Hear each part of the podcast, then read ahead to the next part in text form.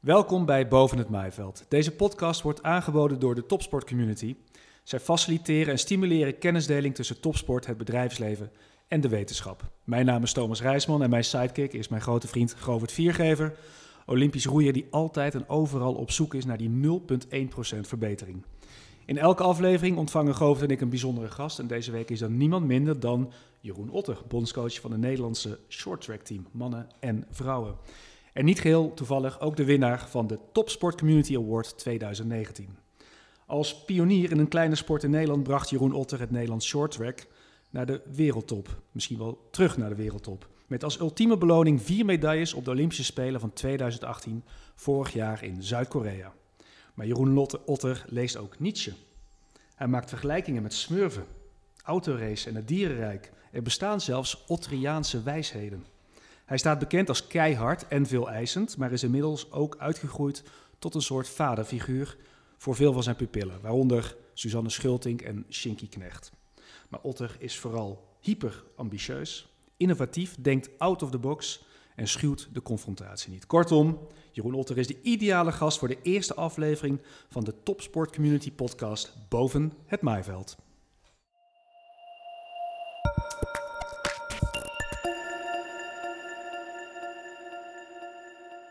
Fijn dat je er bent. Nogal een introductie. Voelde je, herkende je jezelf er een beetje in? Nou, wat overweldigend, maar altijd mooi om te horen natuurlijk. Goed zo. Tegenover je zit Govert Viergever, Olympisch roeier. Welkom. Dankjewel, Ik ben Thomas. De, eh, nogmaals, welkom. Ik ben de enige niet-Olympiër eh, aan tafel. Althans, jij bent als coach daar geweest. Jij als eh, roeier, drie jaar geleden. Eh, vier zonder stuurman roeide finale. klopt, Ja. Kunnen jullie misschien aan mij uitleggen wat die magie is van die Spelen? Waarom is dat zoiets, die stip aan de horizon waar je zo graag naartoe wil? Jeroen.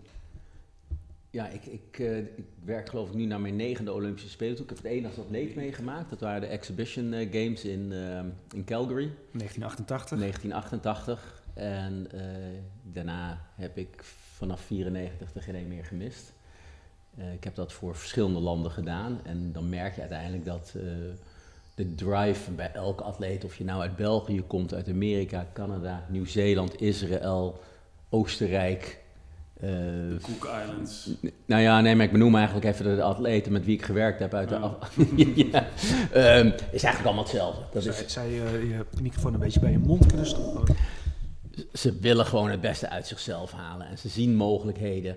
En ze kunnen onmogelijkheden in mogelijkheden omzetten. En dat is misschien wel het allermooiste en de competentie die je ook nodig hebt, denk ik, om uiteindelijk op die spelen te komen. Ja. En ik heb met vele atleten gewerkt die echt geen ambitie hadden om een medaille te winnen. Die wilden gewoon daadwerkelijk aan die spelen meedoen. En ik heb met atleten gewerkt die eigenlijk met niets anders dan, dan goud naar huis wilden komen. Mhm. Herken je dit een beetje? Is dit eh, overeenkomstig? Nou ja, je ziet inderdaad alles, alle soorten en maten daar eh, rondlopen. Wat ik net zei, je ziet ook mensen van de, van de Cook Islands. Ja, die komen daar niet om een medaille te winnen. Die komen daar om, om, om mee te doen aan de Olympische Spelen. En vooral het, het, de magie van de Olympische Spelen, dat, dat maakt dat het, zo, eh, dat, het, dat het zo aantrekkelijk is voor, voor een sporter. Ja. Of je nou goed is, of eh, daar komt alleen, alleen, alleen maar om mee te doen. Ja. Dat, dat herken ik vooral. En en Jeroen, we kennen jou natuurlijk eh, vooral als coach nu. Nederland kent jou als coach, ook door het succes van het shorttrack. Je bent veel in de media, veel op tv, veel over je te lezen. Maar wat sommige mensen wel eens vergeten, wat je net zelf ook al eventjes kort aanhaalde. Je was zelf een heel begenadigd, talentvol eh shorttracker. In 1988 in Calgary. Hoe komt iemand in die tijd op schaatsen terecht en gaat die shorttrack doen? Ja, dat is misschien wel een leuk. Ik, ik kom hier eh, eh, uit de ijsbaan van eh, de Jaap Edebaan. Hè. Daar trainen wij in, in toen ik een Ja. jaartje of 14, 15 was. Gewoon lange baan schaatsen. Maar die ijsbaan die opent altijd heel standaard 15 oktober, sloot op 15 maart.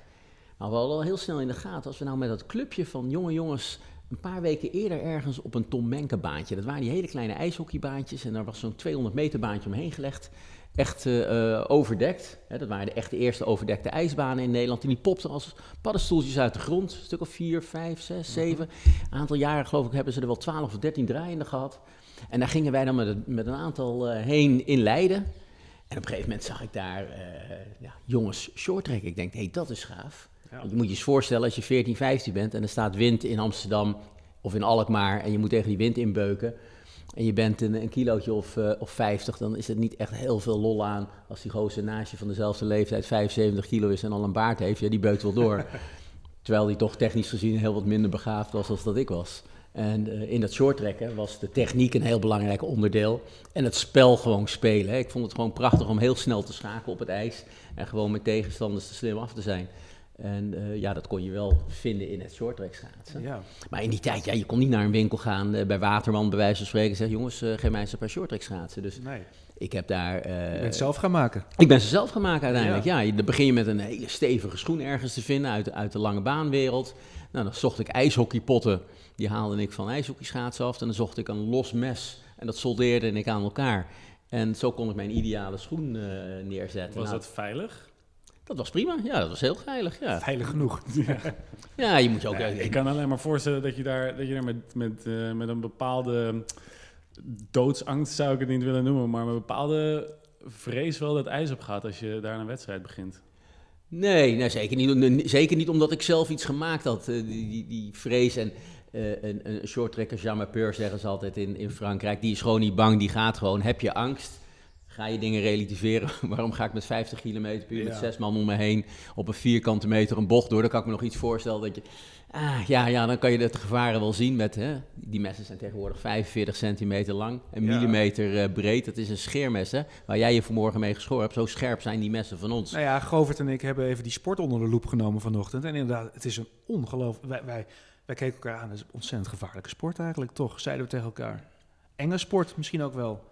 Nou, je zal geen atleet uh, dat, dat ben, zien benoemen, want dan zouden ze, hem niet, zouden ze niet aan deelnemen. Nee. Ja, dat er wat meer gevaar zit dan als je in je eentje op een baan rijdt, uh, uh, ja, dat kan ik niet, niet ontkennen. Nee. nee. we vergelijken het even met roeien. Ja. Nou ja, je zal maar, je zal maar een, een, gat in je boot krijgen. Dan zink je gewoon midden op dat water. Ja. En die jongens die springen ook altijd in het water op het moment dat ze net die twee kilometer hebben afgelegd in de ja. zomer. Dan zijn ze natuurlijk ja. 39 graden plus. en dan, dan springen ze in het water met 10 water. graden. En dan verkrampen ze en dan moet je ze er alsnog uitslepen. Hè? Nee, maar shorttrack is een hele aantrekkelijke sport. Jij kunt daar prachtig over vertellen. Ik heb je dat vaker zien en horen doen. En ik vroeg aan Govert in de voorbereiding van... Goh, hoe voel jij je soms op dat, op dat bootje? Voel je niet een beetje uh, denigerend, uh, oneerbiedig gezegd, een beetje een lulletje als je dat vergelijkt met dat short track. Govert? Ja, nou ja, kijk, je vergelijkt dan met wat er op televisie komt. En, ja. uh, en dan, denk ik, dan denk ik wel eens, wat dat betreft is roeien niet de meest aantrekkelijke sport om naar te kijken. En dan ben ik wel eens jaloers op, op, op short track, zo'n zo'n sport als dat. Ja. Ook omdat als ik, als ik bijvoorbeeld mijn familie moet laten weten of mijn vrienden van oké, okay, hier is de link waar je mijn wedstrijden op kan kijken. Ja. Dus, ik schaam me bijna een beetje om dan ze zeven minuten naar een bootje wat uh, met 20 km per uur ja. door het water gaat te laten kijken. Maar dat hoef je met shorttrack niet te doen. Nee, en nou, geloof ik, we komen er straks misschien wat uitgebreider op. Maar jij hebt niet het ideale uh, uh, bouw voor een roeier. De meeste roeiers zijn lang. Jij bent niet zo heel erg lang. Hoe, ja. hoe groot ben je? 1,84. 1,84. Je bent wel redelijk sterk, althans in mijn beleving. Ik weet niet of Jeroen, hoe, hoe omschrijf is uh, Govert tegenover je? Ik zie hier een uh, atletische persoon met uh, flinke biceps en triceps. Ja. Um, goede onderarmen. Ja, wat, ja, ik zou het geschatten 1,85. De ideale atleet. Is hij niet een, heeft hij niet een goede een roeier? Ja, voor ja. een roeier ben je wat kritisch. Hè? Dan, dan ben ik heel kritisch. En ik, ik heb wat uh, vrienden uit het verleden gehad die in het roeien zaten. Ja, dan moet je toch echt die twee meter aan kunnen tikken. En ja. dan, als je het net niet haalt, dan sta je op je tenen en dan heb je ja. het. Maar dan rij je ook richting die 100 kilo. Ja. En zo worden die boten ingedeeld natuurlijk. Ja, ja. Maar, ja, maar dat, zo is het ook, zo is het ook uh, begonnen. Want uh, ik was natuurlijk ook niet... Uh, ik wist ook wel dat, dat, ik het niet ging winnen van die grote gasten. Ja. Dus dan moet je iets anders bedenken. Dan moet je een andere manier vinden om van die lange jongens te winnen. In mijn idee was het in eerste instantie heel veel spier opbouwen. En daar kracht uit halen. Maar uh, gaandeweg kwam, kwam ik erachter van... wow, er zijn nog zoveel meer manieren om het maximaal uit je lichaam te halen. Ja. Zoveel meer. En, en daar ben je heel goed in geworden. Je kijkt, hoe dieper je kijkt, hoe meer er is. Mm -hmm. En dat is ook waar ik zo meteen uh, over wil hebben. Omdat er gewoon... Jij bent natuurlijk ook altijd op zoek naar, uh, naar nieuwe Innovat dingen. Ja, daar gaan we zeker over hebben, Govert. Ja. Uh, maar het is heel even kort, wel interessant. Heeft hij een lichaam voor short track eigenlijk? Nee, dan zou je het eigenlijk om moeten draaien. Dan moeten de biceps op de bovenbenen zitten. ja. de bicep ja. triceps die ja, in de hamstrings en de quadriceps moeten veranderen. Je mag nee, niet duwen, toch? Nee, ja, nee, nee zijn over het algemeen uh, uh, heel licht van boven. Dus we trainen ook eigenlijk niet het, het bovenlichaam. Nee. Eh, het gaat van de navel naar beneden. Ze hebben een gigantische kont. Hè. Die gluteus Ja. die is ongelooflijk. Hè. Die is bij ons Maximus eh, eh, quadraticus. eh. dat zie je heel duidelijk naar voren komen. Eh, en dan ongelooflijk stevige bovenbenen en, en hamstrings. Ja. Ja, zeker. Ja, en Jorien de Mors is natuurlijk heel succesvol geweest als shorttrackster.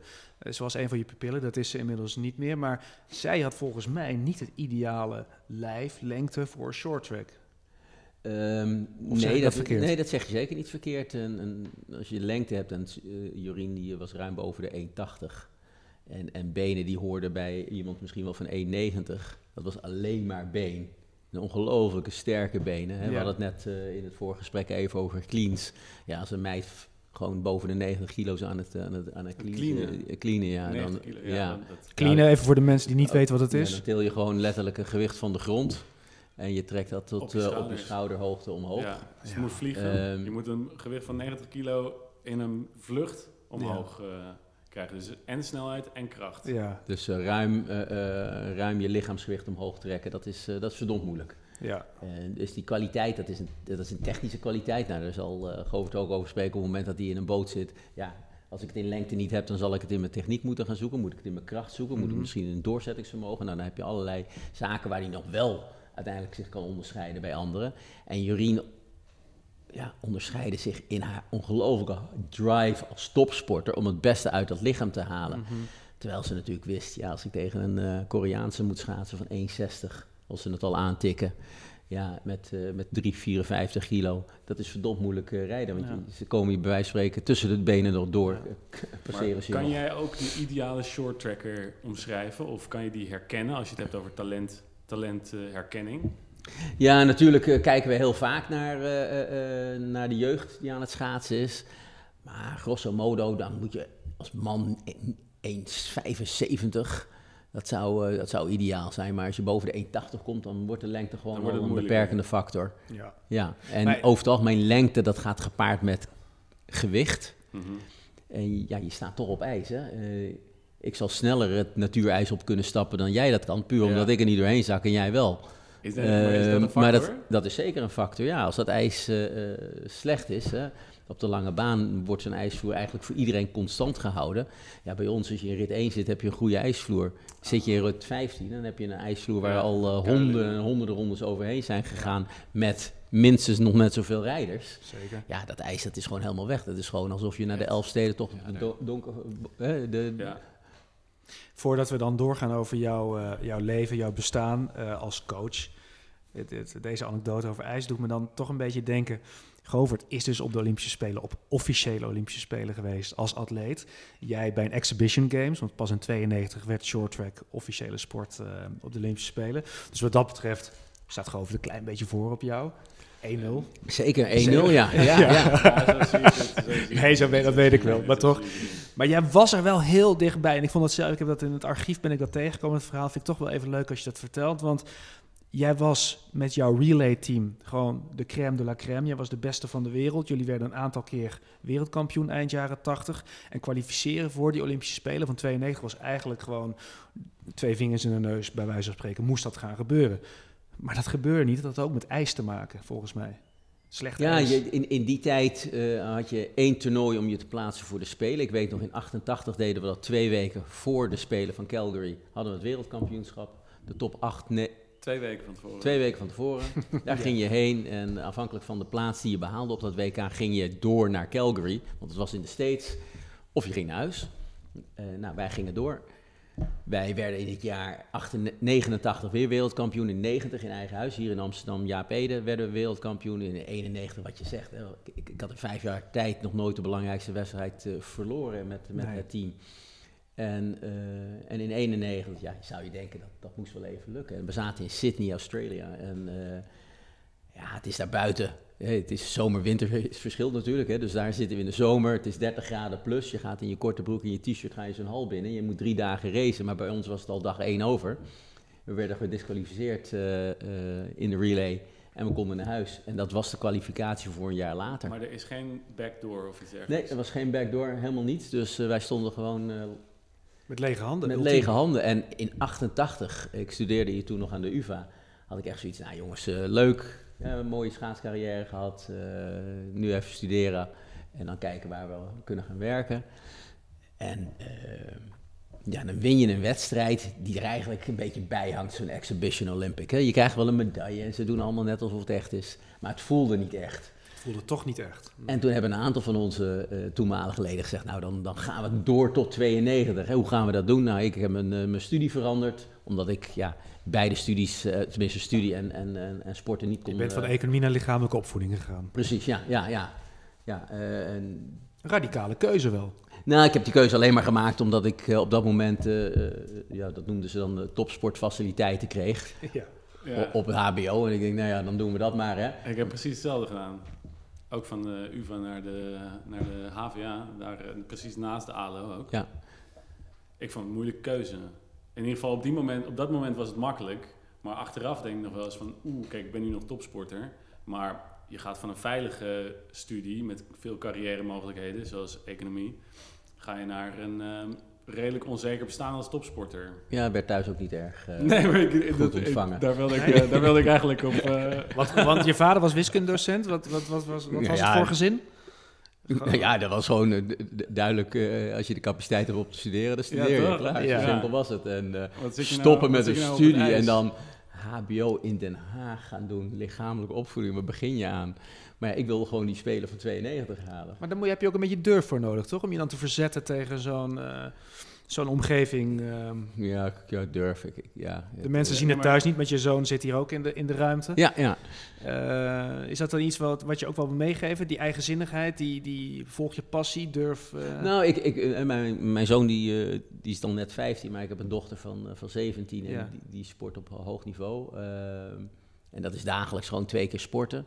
Maar als ouder zeg ik wel, zorg eerst dat je je VWO afmaakt. En dan mag je doen wat je Daarna mag je doen wat je wilt. En dan kunnen we eens kijken of je dat in combinatie doet met de sport. Of de studie doe je na de sport. Maar in ieder geval in eerste instantie, eh, in de eerste insteek is daadwerkelijk je VWO-diploma. Maar was het, was het die overstap voor jou een moeilijke keuze? Naar, vanaf de, van de universiteit naar de ALO? Nee, eerlijk gezegd niet. Nee, nee, ik wilde gewoon heel duidelijk eh, nog een, eh, een aantal jaren schaatsen. En die echte Olympische Spelen. En die echte Olympische Dat was Spelen grote drijfveer Ja, om die keuzes, die radicale keuzes te maken. Eh, dat is dus niet gelukt, zoals je net vertelde. Ehm, is het dan ook een drijfveer geweest om, ehm, om het via coaching misschien te gaan doen? Nou, zeker. Ik, ik, eh, ik stopte in 92. Dat was mijn laatste wedstrijd. Een maand na de Spelen hadden we nog een wereldkampioenschap in, eh, in de US. En ehm, ik was, dat jaar was ik al een aantal keer benaderd vanuit Amerika van... hey, Jeroen, jullie in Nederland hebben zoveel succes gehad in die relay. Dat willen wij ook heel graag. Hè? Eh, 92, 94 was de splitsing van zomer- en winterspelen. Ehm, en in 94 stonden die spelen alweer eh, eh, voor, de, voor, voor de deur. En die Amerikanen zaten heel erg aan me te trekken. Jeroen, wil jij, wil jij dit? Zou je dit kunnen? En met jouw opleiding en met jouw ervaring en met jouw eh, eh, eh, eh, kennis van de, van de Engelse taal, eh, kom deze kant op. En ik had zoiets, jongens, in Nederland, ik baalde wel een beetje dat ik nog steeds vanuit, eh, eh, in de beginjaar vanuit Amstelveen moest ik naar Leiden toe, moest Ja. ik naar Den Haag toe, moest ik naar Soetermeer toe, ik in het begin zelfs naar Rotterdam en dan maar twee keer per week in Amsterdam.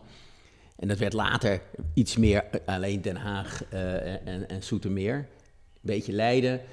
Ehm, had ik wel zoiets. Dit is, dit is geen setting voor Olympische medailles. Dit, dit, dit kan gewoon niet. En je kan niet een, een eh, atleet verwachten om in een, in een DAF te rijden terwijl je hem in de Formule 1 eh, plaatst. Maar dat was bij bijna alle sporten toen eh, destijds, of niet?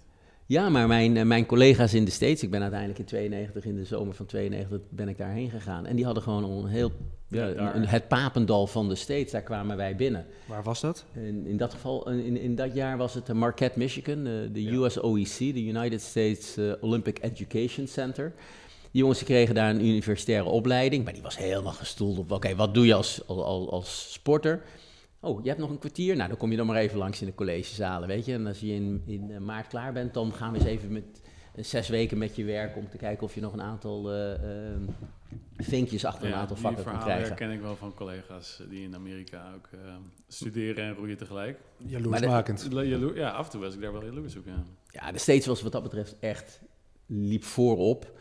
En ik ben naar de States gegaan en eh, uiteindelijk in 94 daar eh, hele succesvolle spelen kunnen afsluiten. Ja, wat mooi. Ehm, inmiddels heb je dus een uh, extreem mooie carrière ehm, achter je naam staan als coach. En eh, heb je de Topsport Community Award gewonnen. Deels ook eh, vanwege je persoonlijkheid, je innovatieve houding ten opzichte van sport. Wat betekent zo'n prijs voor je? zoals die van de Topsport Community. Ja, prachtig. Ik, ik, ik, dat is een, een, paar weken geleden. We zijn uitgenodigd in het Luxor Theater in Rotterdam. in Rotterdam. En dat is, hè, de, de, community is daadwerkelijk, we verbinden het bedrijfsleven, de wetenschap en de topsport met elkaar. En ik zit daar en ik hoor, nou, ze gaan de prijs uitreiken. Ik in mijn naïviteit, oh nou, welk, bedrijf, welk, ja, welk, welk, welk, welk, bedrijf heeft de ondersteuning gegeven aan, aan de topsport? Hè? Zo zat ik erin. Ja. Voor jou was het gewoon een avondje ontspannen eigenlijk? ja, het was, het, ja. het was echt even genieten en, en misschien een aantal, met een aantal mensen spreken. En, en een aantal mensen die ik eerder ontmoet had, nog eens een keertje, hey, hoe gaat het ermee? En ja, nou, een coach, wordt een coach wordt uh, benoemd en uh, uit een kleine wintersport. En ik zit zo mee te kijken, nee toch? Ja, en ja. dat, was, dat was zeker een verrassing. Ze hebben ook nooit gecheckt of, ik überhaupt die avond aanwezig zou zijn. Dat was nog het eerste. en ik ging met de bondscoach van de dames, van het turnen. Die belde mij letterlijk twee dagen ervoor op. Jij zegt, Jeroen, ik zie je op je lijst staan. En uh, kom, we gaan samen. En ik had echt zoiets... Ja, hartstikke leuk, we gaan samen. Hey, dus op het moment dat ik daar stond en die prijs in ontvang, keek ik ook wel even aan. Ik zeg, zat jij hier in het complot? Hè? Heb jij moeten checken of ik hierheen zou komen? Maar hij zei van niet. Dus uh, nou ja, prachtig. Dit, dit is mooi. Het is een waardering voor wat wij uh, doen in de sport. Ik kijk niet alleen naar mezelf, maar nee. gewoon de, de staf die ik heb, uh, heb kunnen vormen in de laatste acht, negen jaar. Ja. In het begin was het een kleine staf met hele fanatieke mensen, maar we merkten gewoon dat we op een aantal expertisegebieden wat misten. En die hebben we kunnen aantrekken en we hebben nu echt, in mijn beleving, een, een een staf waar je echt een, uh, een puntje En de topsport community staat ook dus voor die kruisbestuiving tussen wetenschap, tussen topsport, tussen bedrijfsleven. Um, betekent dat dan nog iets dat je vanuit die hoek ook waardering krijgt, omdat je iemand bent die graag over de schutting krijgt, kijkt uh, bij anderen ter inspiratie, ter om zelf beter te worden?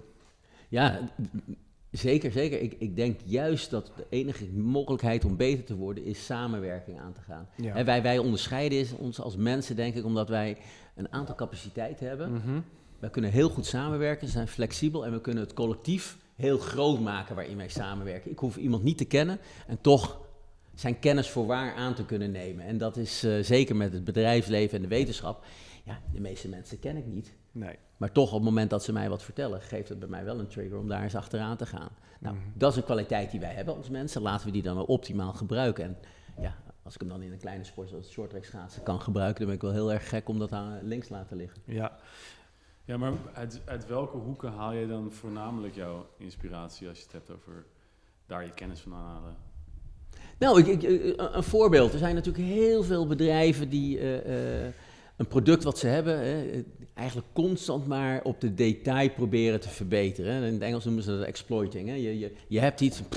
Kodak is denk ik het allergrootste voorbeeld. Uh, wat hebben die nou in de laatste 50 jaar gedaan? We hadden een filmpje met 12 opnames, dat werden er 24. Nou, oh jeetje, we hebben een, een innovation en dat worden er 36 opnames, 72. En de dia in een Hasselblad is van, uh, van een klein beeld is dan naar 8 bij 8 centimeter gegaan of 72 millimeter ja, wat is het nou voor verbetering? Dat, dat, dat doet niet zoveel. Wat je wilt natuurlijk is dat je in een nieuwe wereld durft te stappen. Mijn atleten hoop ik dat die wekelijks ergens in een wereld stappen, een deur open doen en denken, oh man, waar, waar begeef ik me nu?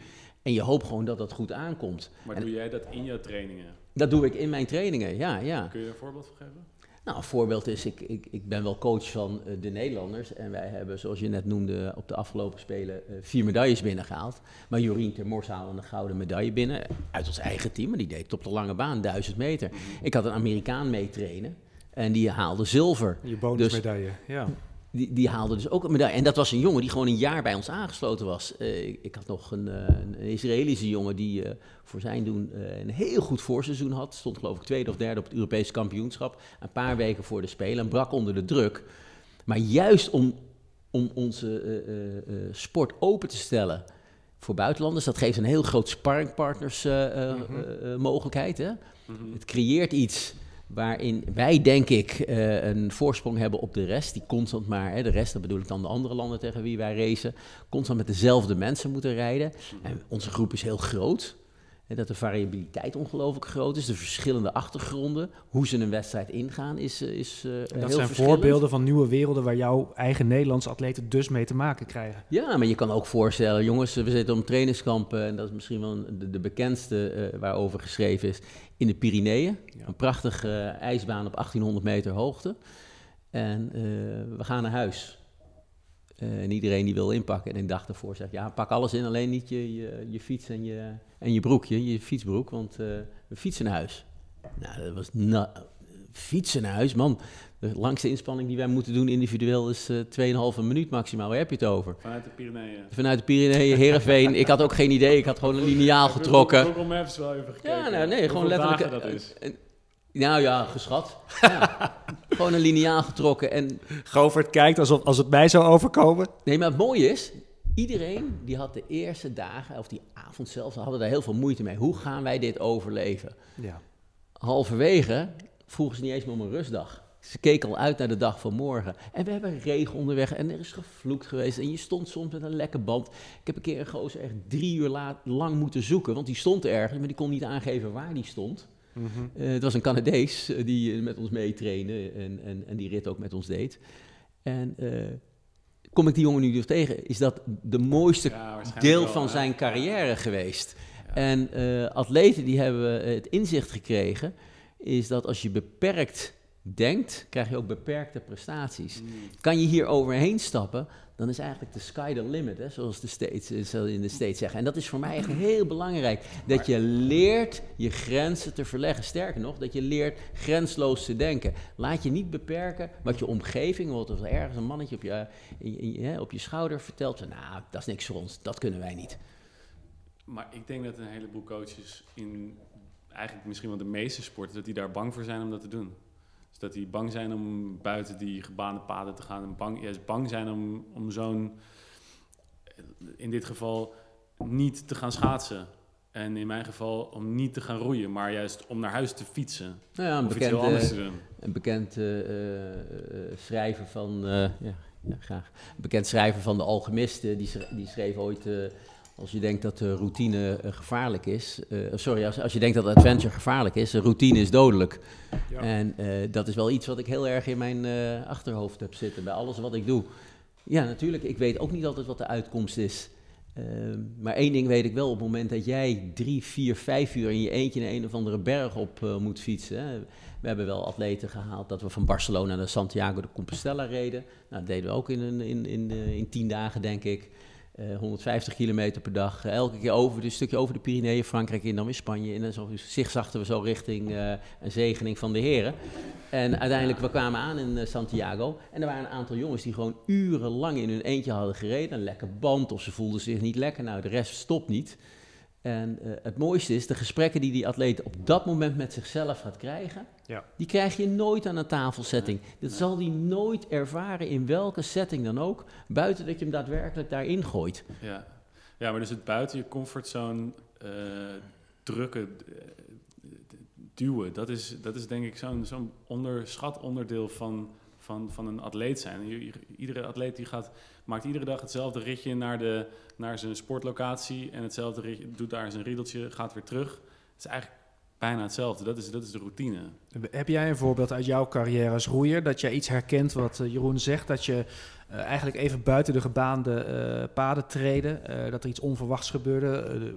nou ja, dat, dat komt inderdaad in, in mijn geval is het bijna altijd voorgekomen wanneer ik bijvoorbeeld een een blessure had en, je en bijvoorbeeld wanneer ik mijn een voet had gebroken, ja, dan moet je ineens gaan, uh, gaan handbiken of zo. En dan kom je ineens in zo'n... Of, of, je, of je gaat proberen dat op een bepaalde manier te, sneller te laten herstellen of zo. En dan ga je gekke... Ga je, ga je verdiepen in, in, in wat, wat herstel is. En zo kom je dan ineens bij een gekke mm-hmm. uh, methode terecht. Bijvoorbeeld ijsbaden of zo. En dan, ja. Nou ja, zo, en zo kom je dan langzaam kom je dan in, een, kom je iets, in iets terecht waar, waar, waar, waar je iets van geleerd hebt, wat je anders nooit had geleerd. Ja. En jij zegt dus dat is leren dat de sky the limit is. Dat is, is dat een synoniem van leren winnen? Het is wel leren durven. Ja. En ik denk durf is iets wat elke topatleet in zich zou moeten hebben, anders zou je nooit predicaat topatleet topatleet of topsporter of toproeier kunnen geven. Want durf is eigenlijk gewoon grensverleggend bezig zijn. Durf is, durf jij die deur door te gaan en nu kom je Ja. in, een, in, een, in een wereld die je niet kent. Ja. Ja, eh, durf je- jij dieper te gaan dan dat je gisteren deed? Eh, eh, kan jij van een nog steilere helling skiën? Kan jij van een nog steilere helling met een mountainbike afgaan? Durf je met een andere groep te gaan trainen om te luisteren naar wat daar gedaan wordt? Hè, durf je open te stellen? Eh, Ik ben niet bang voor kritiek. Dus het woord durf is denk ik wel een hele belangrijke. Ja. Maar sporters doen dat meestal niet uit zichzelf. Die moeten meestal of ge- gepusht worden om dat te doen, of een, een omstandigheid van buitenaf, zoals eh, een blessure of iets dergelijks. Ja. Of, eh, maar Ben je het is- het ja, het is mensen eigen om, om heel erg in die comfort te zitten. Je wilt altijd als topsporter eh, in, in, in schaatsen wil je goede benen hebben. Jullie Ja, willen ja, gewoon wil een goed dag- lichaam hebben. En je wilt elke dag je, eh, king of the mountain Ja. voelen. Maar die king of the mountain, die ben je misschien maar een aantal keren per jaar. En al die andere dagen moet je er heel hard voor werken om daar eh, op die mountain te kunnen staan. Ja, ik zie dat toch weinig gebeuren, moet ik zeggen. Het buiten, buiten de gebaande paden durven, durven springen. Nou ja, Jeroen, eh, je bent dus een coach die dat eh, stimuleert en die dat eh, enorm propageert ook en meeneemt in je werk. Heb jij daar zelf inspiratiebronnen bij? Heb je, heb je dat allemaal zelf verzonnen of heb je dat ooit bij iemand afgekeken? Wie, wie is jouw grote inspiratie op dit gebied? Wie heeft jou doen durven springen in het diepe? Eigenlijk alles wat er om me heen gebeurt. Ik, ik heb de hele dag heb ik ideeën. Ik zit nu Ja. hier tegenover een roeier. En ik denk, nou, als we straks klaar zijn, Ja. ik kan hem zo een aantal dingen, noemen die gewoon bij mij oppoppen. Ter, om hem te helpen bedoel je? Om hem te helpen, ja. ja. Ja. er is niks mooiers dan eh, een, een atleet die moet constant prikkels krijgen. Dat moeten we eigenlijk met z'n allen. Mhm. Als wij eh, als, als, eh, als we een kantoorbaan hebben en dat kantoor wordt op een gegeven moment gewoon gehusseld. En je zit niet in kamer 1-3, maar je zit in kamer 1-4 en je kijkt niet naar buiten, maar je kijkt naar binnen. Je zit tegenover een andere collega. Voelt dat anders, terwijl het werk helemaal niets verandert. Maar je geeft wel een prikkel. Nou, zo geldt dat eigenlijk in extreme mate met alles wat er in, in, in, je, in, je omgeving gebeurt. Zeker op het topsportniveau. Ik vind het prachtig om bij andere sporten te kijken Ja. hoe mensen praten, hoe mensen eh, doen. Het allermooiste vind ik van eh, eh, prijs, die, die, die award-giving ceremonies, is dat we al die filmpjes krijgen van Ja. dingen die goed gaan, maar ook dingen die mislukken. Van mensen die op goud lagen, op gouden koers lagen en het op het laatst net niet, net niet doen. Of tegenovergesteld, en die gaat het niet meer halen. En dan uit een duveltje uit een doosje pakt hij, nog, eh, pakt hij die winst nog. Ja. Ja, er is niks mooiers dan dat. En als je dan een beetje die verhalen gaat lezen en dan hoor je daar hoe, hoe ze daar gekomen zijn, dat, is Ja. natuurlijk, dat vind ik prachtig. En dat neem je allemaal mee in je eigen Dat neem, neem ik allemaal, het is niet bewust dat ik naar iets op zoek ben, maar het is de hele dag heb ik ideeën en... eh, En eh, ik, ik, ja, dat is fantastisch om te horen natuurlijk. En, maar ik heb wel het gevoel dat je de hele, hele tijd aanstaat. Is dat? ja, dat is, dat is ook wel lastig, ja. Ja, Ja, voor, voor voor mijn jezelf, voor je omgeving? Ja, of voor- voornamelijk voor mijn omgeving. Ja. Ja, zou je jezelf op, obsessief noemen? Zeker. Ja. maar dat is denk ik ook nodig hoor. Dat is denk ik ook nodig om de top. Ze hebben het wel eens over passie, dat je passie nodig hebt om de top te bereiken. Ja. Ik denk dat het anders, ik denk dat het obsessie nou is. Ja, het beide. Ja. Ja. Ja. Nou, dat is mooi, want eh, obsessief, het, het is ook een beetje, eh, dan hebben we het een beetje over hoe mensen eh, die televisie kijken jou zien en hoe mensen die jou volgen, ja, die hebben toch een bepaald beeld bij, van je, dat is een bepaald imago. Eh Govert, wat was jouw eerste beeld van Jeroen? Weet je dat nog? Dat je een bepaald idee had? Ja, dat, ja dat, ik weet het nog wel. Maar het is, lullig, het is lullig dat je dat nu hier, eh, dat je dat hier niet vraagt. Want ik zag hem op televisie net toen, ehm, toen hij in die, eh, na de Olympische Spelen. Ja. En toen dacht ik van, wat een zuurpruim zit daar aan tafel. Want er had iemand naast je, uh, Jara had goud gewonnen. Ja, is een bekende Zilver, zilver, ja, ja. Ja, zilver. En, eh, en, en, eh, en toen eh, zat jij daar eh, toch wel redelijk ontevreden. Op tv bij Henry tv. Schut, als ik me niet Ja, vergis. en ik ja. zat van, nou, nu gaan we een leuke uitzending krijgen. En, en jij zat daar. ah, ah, ah. En dat, dat, dat, dat beeld staat me heel erg eh, nog op mijn netvlies. Dat was Ja. 2014 geloof ik, hè? Nee, nee, 2018. 2018 Ja, eh, tuurlijk, oh, die ja. dag kan ik me nog heel goed herinneren, ja. Ja, vertel eens, neem ons eens mee. De tweede dag van, eh, van de Spelen. Ehm, de eerste dag hebben we de 1500 meter eh, eh, gereden. Eh Shinky wint zilver. Ja, in zijn beleving verloor hij goud. Ja. Maar ja, in mijn beleving won hij pracht, een prachtige zilveren medaille. Maar de dames werden uitgeschakeld in de relay in de- Mhm. voor de finale. Ja. Ja, plaatst zich voor de B-finale, zoals we dat benoemen. Een aantal dagen later vervolgt het toernooi zich. En Nou, Yara wint haar zilveren medaille op de 500 meter. Maar Een hele mooie medaille. een hele mooie Ja, medaille. En prachtige zeker, medaille. en zeker er ook met wat zij uit. eh, die acht maanden ervoor had meegemaakt, was dit echt, eh, echt helemaal wauw. Ja. Eh, maar de heren hadden zich ook niet geplaatst voor de relay finale. En kwamen uiteindelijk door een disqualificatie niet eens in de B-finale terecht. Nou, dan moet je je eens voorstellen dat wij met de heren in 2014 als een van de favorieten naar de Spelen gingen. We haalden de finale A en na 20 meter eh, is er een valpartij en de finale A is over. ja.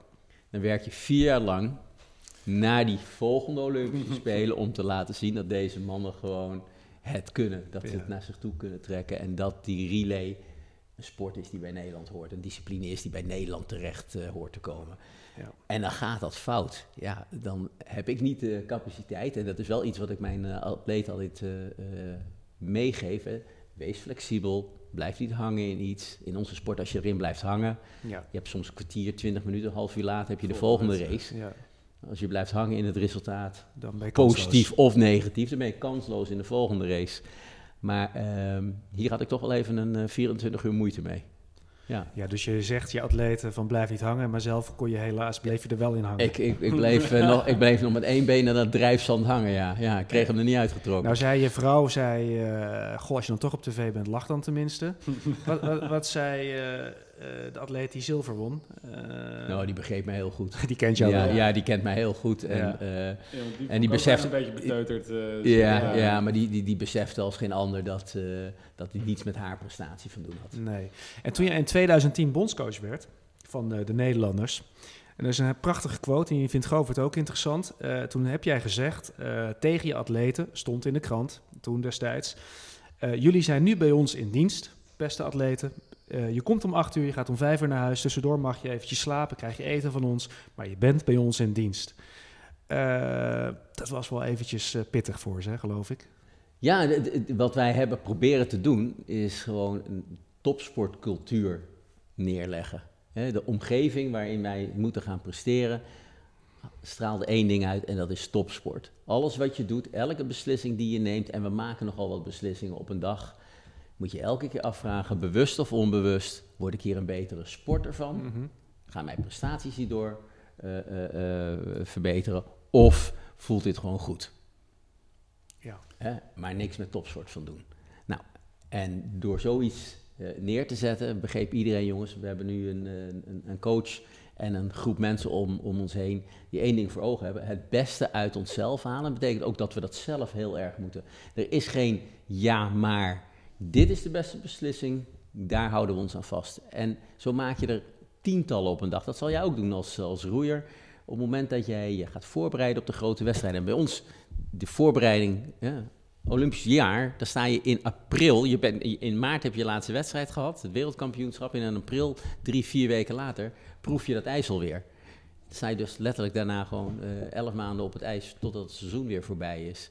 Nou, dan is het niet meer dan logisch dat atleten die elf maanden, dat zijn dan 300 zoveel dagen per jaar, zijn ze in die anonimiteit. Hè, want dat is het. Hè. Ze, ja, ja. En ze komen om acht uur s morgens of om half negen s morgens op die ijsbaan aan.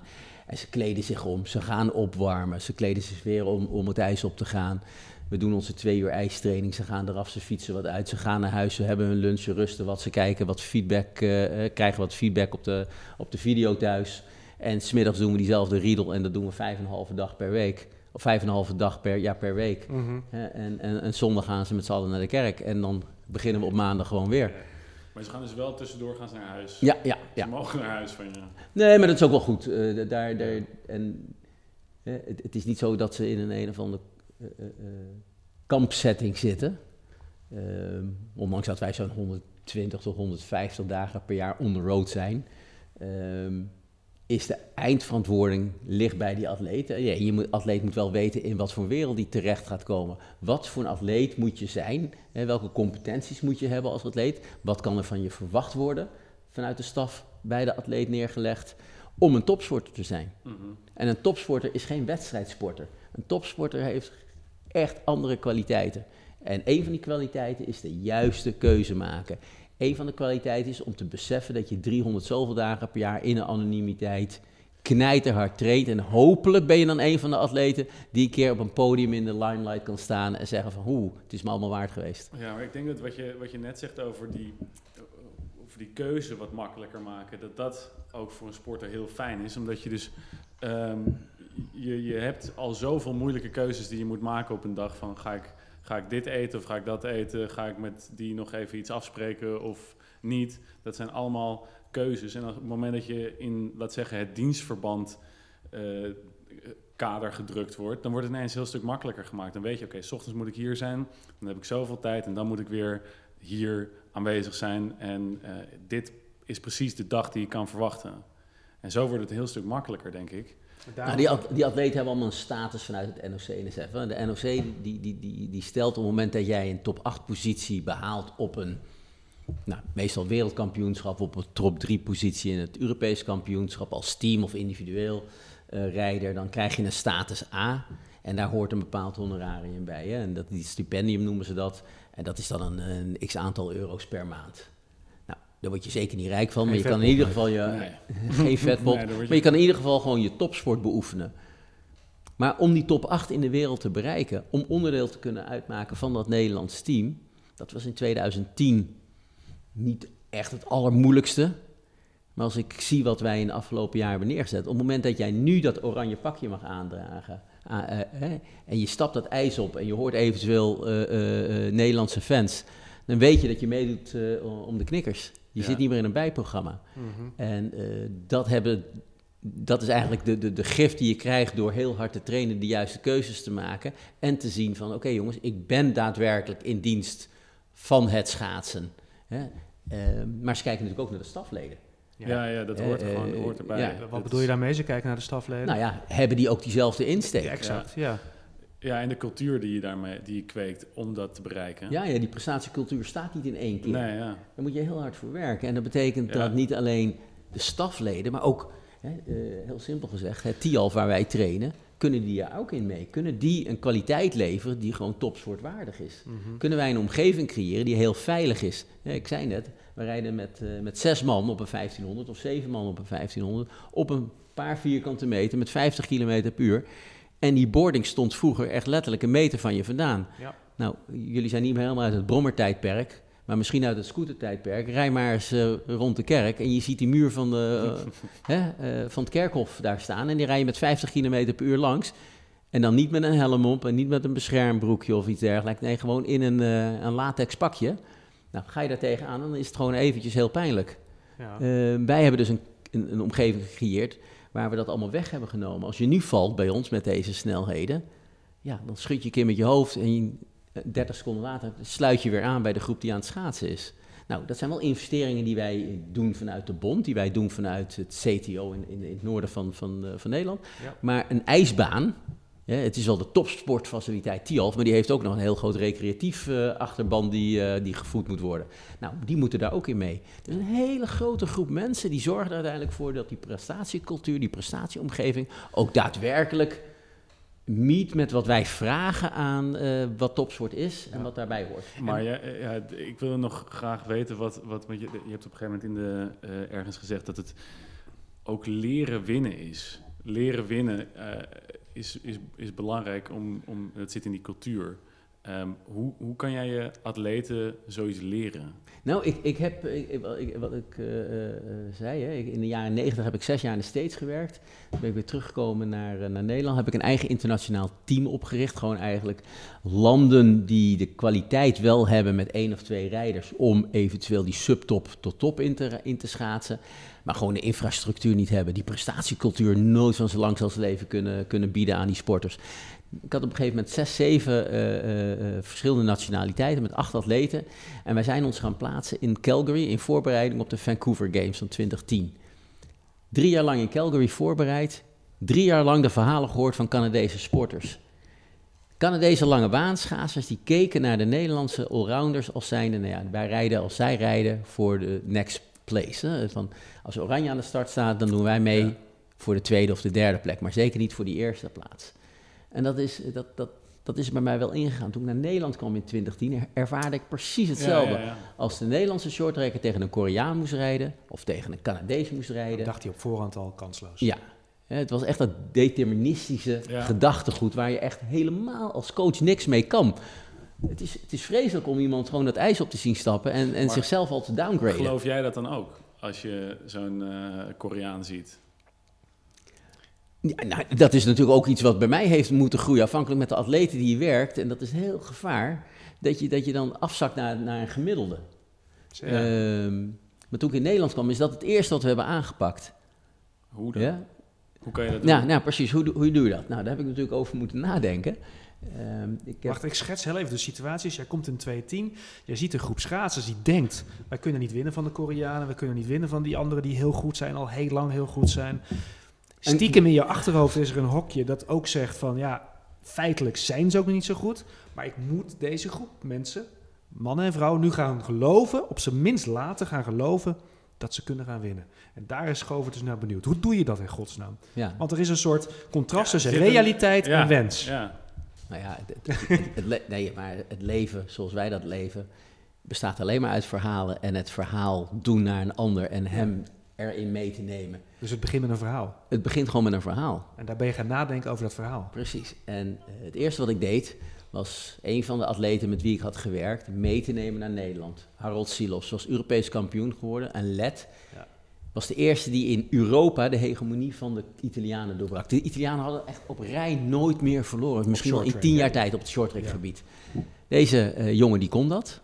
Die heb ik naar Nederland gebra- gebracht. En die heeft gewoon met ons meegetraind. En plotseling zagen mijn Nederlandse rijders...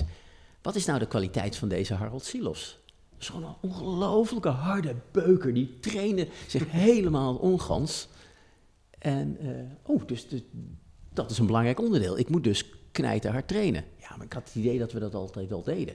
Ja, maar er hoort een mentaliteitskwestie bij. Als Harold op kop rijdt, wat een nadeel is, hè, eh, eh, want de anderen zitten in de draft, hè, die neem je mee. Eh, jij breekt de wind als voorste rijder. En die benen deden bij Harold zeer.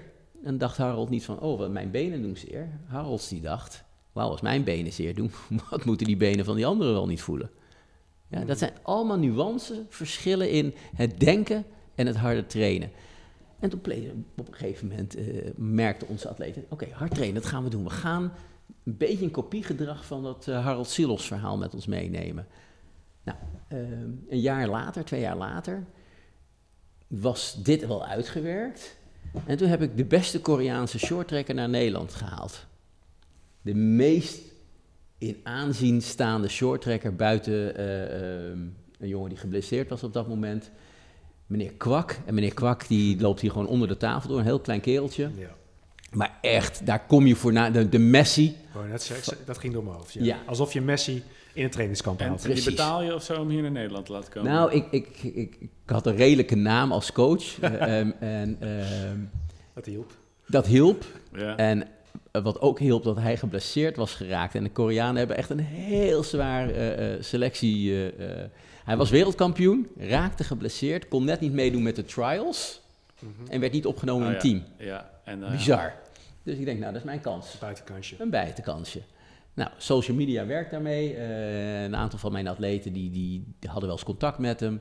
En ik heb gezegd, nou, ga mij die gegevens even. Ik benader hem. Nou, het eerste, dat wil ik doen, wil ik doen. Dus ik heb hem naar Nederland gehaald. En we hebben eigenlijk gewoon het hele Koreaanse team gedi-iconiseerd, weet je wel. lekker. Want hij Ja, stond daar op dat standbeeld. Ja. En wat bleek nou? Hij kon echt heel goed schaatsen. Waarom? Omdat hij al van vroeg, vroege leeftijd heel veel exposure gehad aan allerlei patronen die er in Korea eh, geboden worden in het spel van het eh, snelle shorttrack schaatsen. Hij was fysiek sterk, maar hij was eigenlijk niet zo heel sterk als dat wij misschien dachten. Hij kon leuk kracht trainen, maar was zeker niet de sterkste in onze groep. Fietsen kon hij al helemaal niet. En baanwielrennen durfde hij niet. Dus op een gegeven moment hebben wij die jongen gewoon opgesneden in allerlei vlakken. Wat, wat heb je nou als sporter nodig? Welke competenties heb je nodig? En welke kwaliteiten heeft de meneer Kwak? En welke kwaliteiten hebben wij? En dat was echt de doorbraak voor ons. Dat iedereen begon in te zien. Ja, maar jeetje, hij heeft ook maar twee armen en twee benen en zit een kop op. Dat, is dat is natuurlijk een geweldige methode. Iemand eigenlijk de beste naar je toe halen en dan de-iconiseren, zoals je dat noemt. Dus Ja. eigenlijk minder van Messi, minder, Messi, minder God maken. Ja. Was meneer Kwak daar blij mee? Meneer Kwak was heel door. blij. Die heeft echt Ja, een heeft hele prachtige gehad? tijd gehad. Wat heeft hij eraan gehad? ehm, dat hij een, een paar maanden in een, eh, een prachtig ander land mocht wonen. Ah, oké. Ook even over de En, dat, schutting en, dat hij, en, en zeker over de schutting keek. Ja. En dat hij had nog nooit een coach gehad die aan hem vroeg van, en wat vind jij ervan? Ja, dat zijn ze niet gewend. Ah, daar. nee, nee, nee, nee. Ja. Dat Ja. is ook wel eentje. En dat eh, opende wat. En wij, zijn, wij zetten heel erg in op het eh intervaltrainingssysteem. Hè, dat arbeid-rustverhoudingen eh, daarmee spelen. Terwijl daar eigenlijk alleen maar de zweep er overheen ging. Hè. In Amerika zeggen ze, you throw 'em against the wall, whoever sticks. Ja. Dat is degene. Ja, dat is bekend, ja, als je er 100 hebt, is het redelijk eenvoudig te doen. Maar ik heb altijd eh, in Nederland tot misschien afgelopen anderhalf jaar met een kolommodel gewerkt. Ik had er vijf of zes en dan moet ik het Ja, doen. ik kon, niet, ik kon eh, niemand je kan missen. niemand Vandaar dat die veilige prestatiecultuur, en dan veilig als zijnde van echt letterlijk veilig dat ik geen blessures zou oplopen, een hele belangrijke is geweest. Het is een prachtig proces. Dus enerzijds, het, het draait ook altijd om talent, het draait om trainingsvormen, het draait om spierkracht, het draait om, nou, noem al die dingen. Maar, maar jij hebt gewerkt aan de mindset van je, de- die tegenstanders die altijd winnen, zijn ook maar van vlees en bloed. Die hebben ook maar twee armen, twee benen. Ik zit heel even een klein mini-uitstapje naar aanstaande dinsdag als Ajax tegen Juventus speelt. In principe zegt iedereen dat Juventus kansloos is. Maar de trainer van Ajax zou nu eigenlijk al twee of drie weken sinds een loting bezig moeten zijn van die Ronaldo. Die heeft ook maar twee benen. Ja, eh, zeker. Ehm, Heeft, en- heeft Erik ten Hag van IJsje nog niet gebeld om eventjes in te springen? nee, die man die staat onder genoeg stress, denk ik. Ja. Ik, ik kijk die, eh, die voetbalwedstrijden wel, denk ik. ja. Ervaar ik wel eens stress als ik zie onder welke druk deze eh, coaches moeten werken. En is het dus ook wel, ja, misschien wel bijna een, een, een, een, een voorspelling dat het een keer fout gaat. Hè? Want onder stress presteren is iets, maar onder idioot hoge stress waar je niet dagelijks aan kunt wennen. Ja. Alles went en stress ook, maar je moet, het wel, je moet er wel in groeien. Mhm. En ja, Haag kwam volgens mij vanuit Utrecht. Ja. Nou, dat is toch iets anders dan Ajax. En zeker als je dan nu Champions League aan het spelen bent. En zeker als de hele wereld in. Nederland met je meedenkt. Nou, dat gaan we wel Tuurlijk, even, even, even recht trekken. Maar, Da- dat ja. proces, daar, daar, daar, daar moet hij heel veel mee doen. Juist van, hè, eh, eh, met mensen erover spreken van... wat heeft dit met mij gedaan? Denk ik anders eh, eh, eh, voor of na Real? Wat, wat, wat, is dat proces geweest? En hoe kan ik dat meenemen naar, naar Juventus? En er zullen genoeg heel veel handige, slimme voetbalkenners om heen zijn... die hem daar wat in kunnen sturen. Het is aan de coach, is die daar open, staat hij daar open voor? Ja, en even terug naar eh, het juiste verhaal schrijven en vertellen aan je atleten. Wat, wat, wat, wat vond je ervan, Govert, als je dat zo hoort? Want Nou. jij, jij moet naar coaches luisteren al een x-aantal jaren. eh, ja, maar wat hij, wat hij zegt over een verhaal, dat vind ik wel. eh, een verhaal kan iemand inspireren. En, Ja. en, en het gaat, dat, dat, dat, dat raakt je. En dat doet iets met je, denk ik. Ik denk Ja. dat dat het. Je je maakt het in één keer visueel. Ehm, Wanneer heb jij het meest geloofd dat jij echt bovenop die berg stond? Dat jij de gorilla was, de zilverrug. Wanneer, welk moment in jouw hele carrière? nou, nee, dat zijn, toch, dat zijn toch coaches die, eh, Ja. coaches die, eh, die je vertellen. Nou, ik, had, eh, ik had René Meinders als coach. Die was natuurlijk coach van de Gouden Holland 8. En Ja. als die dan tegen je zegt dat van... Zo, dit is wel heel goed, want ik had vroeger de Holland 8 en deze tijden die... ja, dat, dat, dat zijn... Dan, dan, dan is er dat verhaal van, van, van René Meinders en de Holland 8 Ja, dat vertelt hij eigenlijk. En, dat, dat, dat geloof jij. Dus je, kan, je, je wil als atleet dan in verhalen wil je geloven. ja, En dat, dat is dan, jij vertelt in feite het verhaal van eh, die schaatser die hier naartoe komt. ja. En je laat eigenlijk zien van, hé, hey, jij kan dit ook. Dit Ja. verhaal, zou, jij zou ook in die hoofdrol kunnen staan. Want dat, dat wil je eigenlijk als, als, ja. als, als je dat verhaal hoort. Dan denk je van, zou ik ook in dat verhaal kunnen? Dat is wel een prettige constatering, Jeroen. Dat hij noemt dus toch het verhaal. Be- bevestigt wat jij zegt. Het verhaal van de coach is heel belangrijk. Jouw rol doet ertoe. Ja, en, en een van de belangrijke dingen die wij in dat verhaal meenemen, dat is alles heel transparant houden. Wij monitoren heel veel, hè? dus wij, wij checken heel veel zaken. Hè? We stellen ons eerst de vraag, wat hebben we nodig? Hoe gaan we dat doen en wat is het gevolg? En eh, je moet je eens voorstellen, wij rijden zo tussen de 100 en 150 rondjes per dag op dat ijs. Hè? Die baan is eh, 111 meter lang en dat doe je met eh 20 man. Nou, dus voor mij is het geen mogelijkheid om dat met een stopwatch bij te houden wie wat rijdt. Dus ze hebben allemaal een transponder om. Nou, technologie, onder die transponder, die is helemaal op het shorttrack uh, gericht. En wij hebben twee hele grote 65 inch schermen hebben we staan. En elke atleet heeft een A4'tje met zijn rondetijd erin. Elke keer als hij over die lijn komt, ziet hij die rondetijd veranderen. Het mooie is, hij ziet niet alleen zijn eigen rondetijd veranderen, hij ziet ook van zijn concurrent of zijn teamgenoot dat veranderen. En hij ziet, doet de teamgenoot wat hij moet doen? Doe ik wat ik doe, maar hij beseft ook dat de ander kijkt naar wat ik aan het doen ben. Nou, teamwerk is natuurlijk een werkwoord. Hè. Je moet eraan werken om, om, om, om een goede teamplayer te zijn. Ehm, het transparant maken in wat jouw bijdrage vandaag op deze training is geweest, mhm. wordt bij ons op allerlei manieren zo groot mogelijk uitgelicht. Om juist jouw, jouw bijdrage, jouw deelneming aan het verhaal om die 20, in dit geval 2022 in Beijing, uh, die gouden medaille binnen te halen. Maar dan heb, je het, dan heb je het eigenlijk ook over concurrentie. Want ze zien ook elkaars uh, scores op het beeldscherm staan. En als je een team wil creëren, hoe zie je dat dan voor je? Enerzijds zijn ze concurrent, anderzijds uh, moeten, ze het ook, moeten ze een team vormen samen. Ja, nou laten we heel eerlijk zijn. We zouden nooit van Kiki Bertens hebben gehoord als er niemand anders die bal terug zou slaan. Dus die heeft sparringpartners nodig. En hebben die shorttrekkers ook. Lange baan zou je prima in je met één of twee rijders kunnen doen. Als je heel erg gedisciplineerd bent en je hebt een paar goede oogkleppen op, dan kom je heel eind op de lange baan. In onze sport heb je die sparring nodig. Je hebt mhm. constant mensen om je, om je heen nodig. En dat beseffen ze allemaal. En ze weten allemaal dat we constant in een win-win situatie zitten. Ja? Jij wordt beter en ik word beter. En uiteindelijk, dat is iets wat uh, Adam Smith ooit uh, als moderne econoom uh, genoemd heeft. Hè. Ergens hier op de, op de rondweg zag ik zo'n instituut van hem een tijd geleden. Ja. Um, voorheen hadden wij, als ik wat van jou wilde hebben, ja. hoorde dit nu van mij en uh, had jij iets minder. Het was niet, uh, uh, als dit bij mij hoort, dan heb jij ook nog wat. Dat gebeurde gewoon niet. Ik pakte iets van jou af, landje pik. Ja, ja. ja en dat hebben we natuurlijk in heel West-Europa en daarbuiten ook heel vaak gezien. Als je nog een landkaart van, van 1800 openslaat, dan zie je toch dat er wat verschuivingen zijn geweest dat is natuurlijk uh, in de laatste 200 jaar is dat heel prachtig met de economische uh, vooruitgang. Is het allemaal een win-win. Als jij beter wordt, dan word ik er beter van en dan wordt het land er beter van. Nou, we noemen het allemaal. Dus één ding is dat niet veranderd, dat is in die topsport. Als ik op het podium sta, sta jij er niet op. De winnaar kan niet zonder verliezer en een verliezer kan niet zonder een winnaar. Je hebt die strijd nodig. Ze beseffen allemaal, rationeel, dat ze elkaar constant moeten versterken. Maar emotioneel is dat natuurlijk een ongelofelijke moeilijke dat heel, opdracht. Dat is een heel ander verhaal. Ja. Wij, wij racen onze, onze wedstrijden op de vrijdagmiddag, de zaterdagmiddag en de zondagmiddag. En hoe beter we worden, hoe vaker tegen elkaar strijden. En zondagmiddag plus een half uur moeten we als relay moeten we het met elkaar doen. Zaterdagmiddag na die individuele ja, races moeten we het met elkaar doen.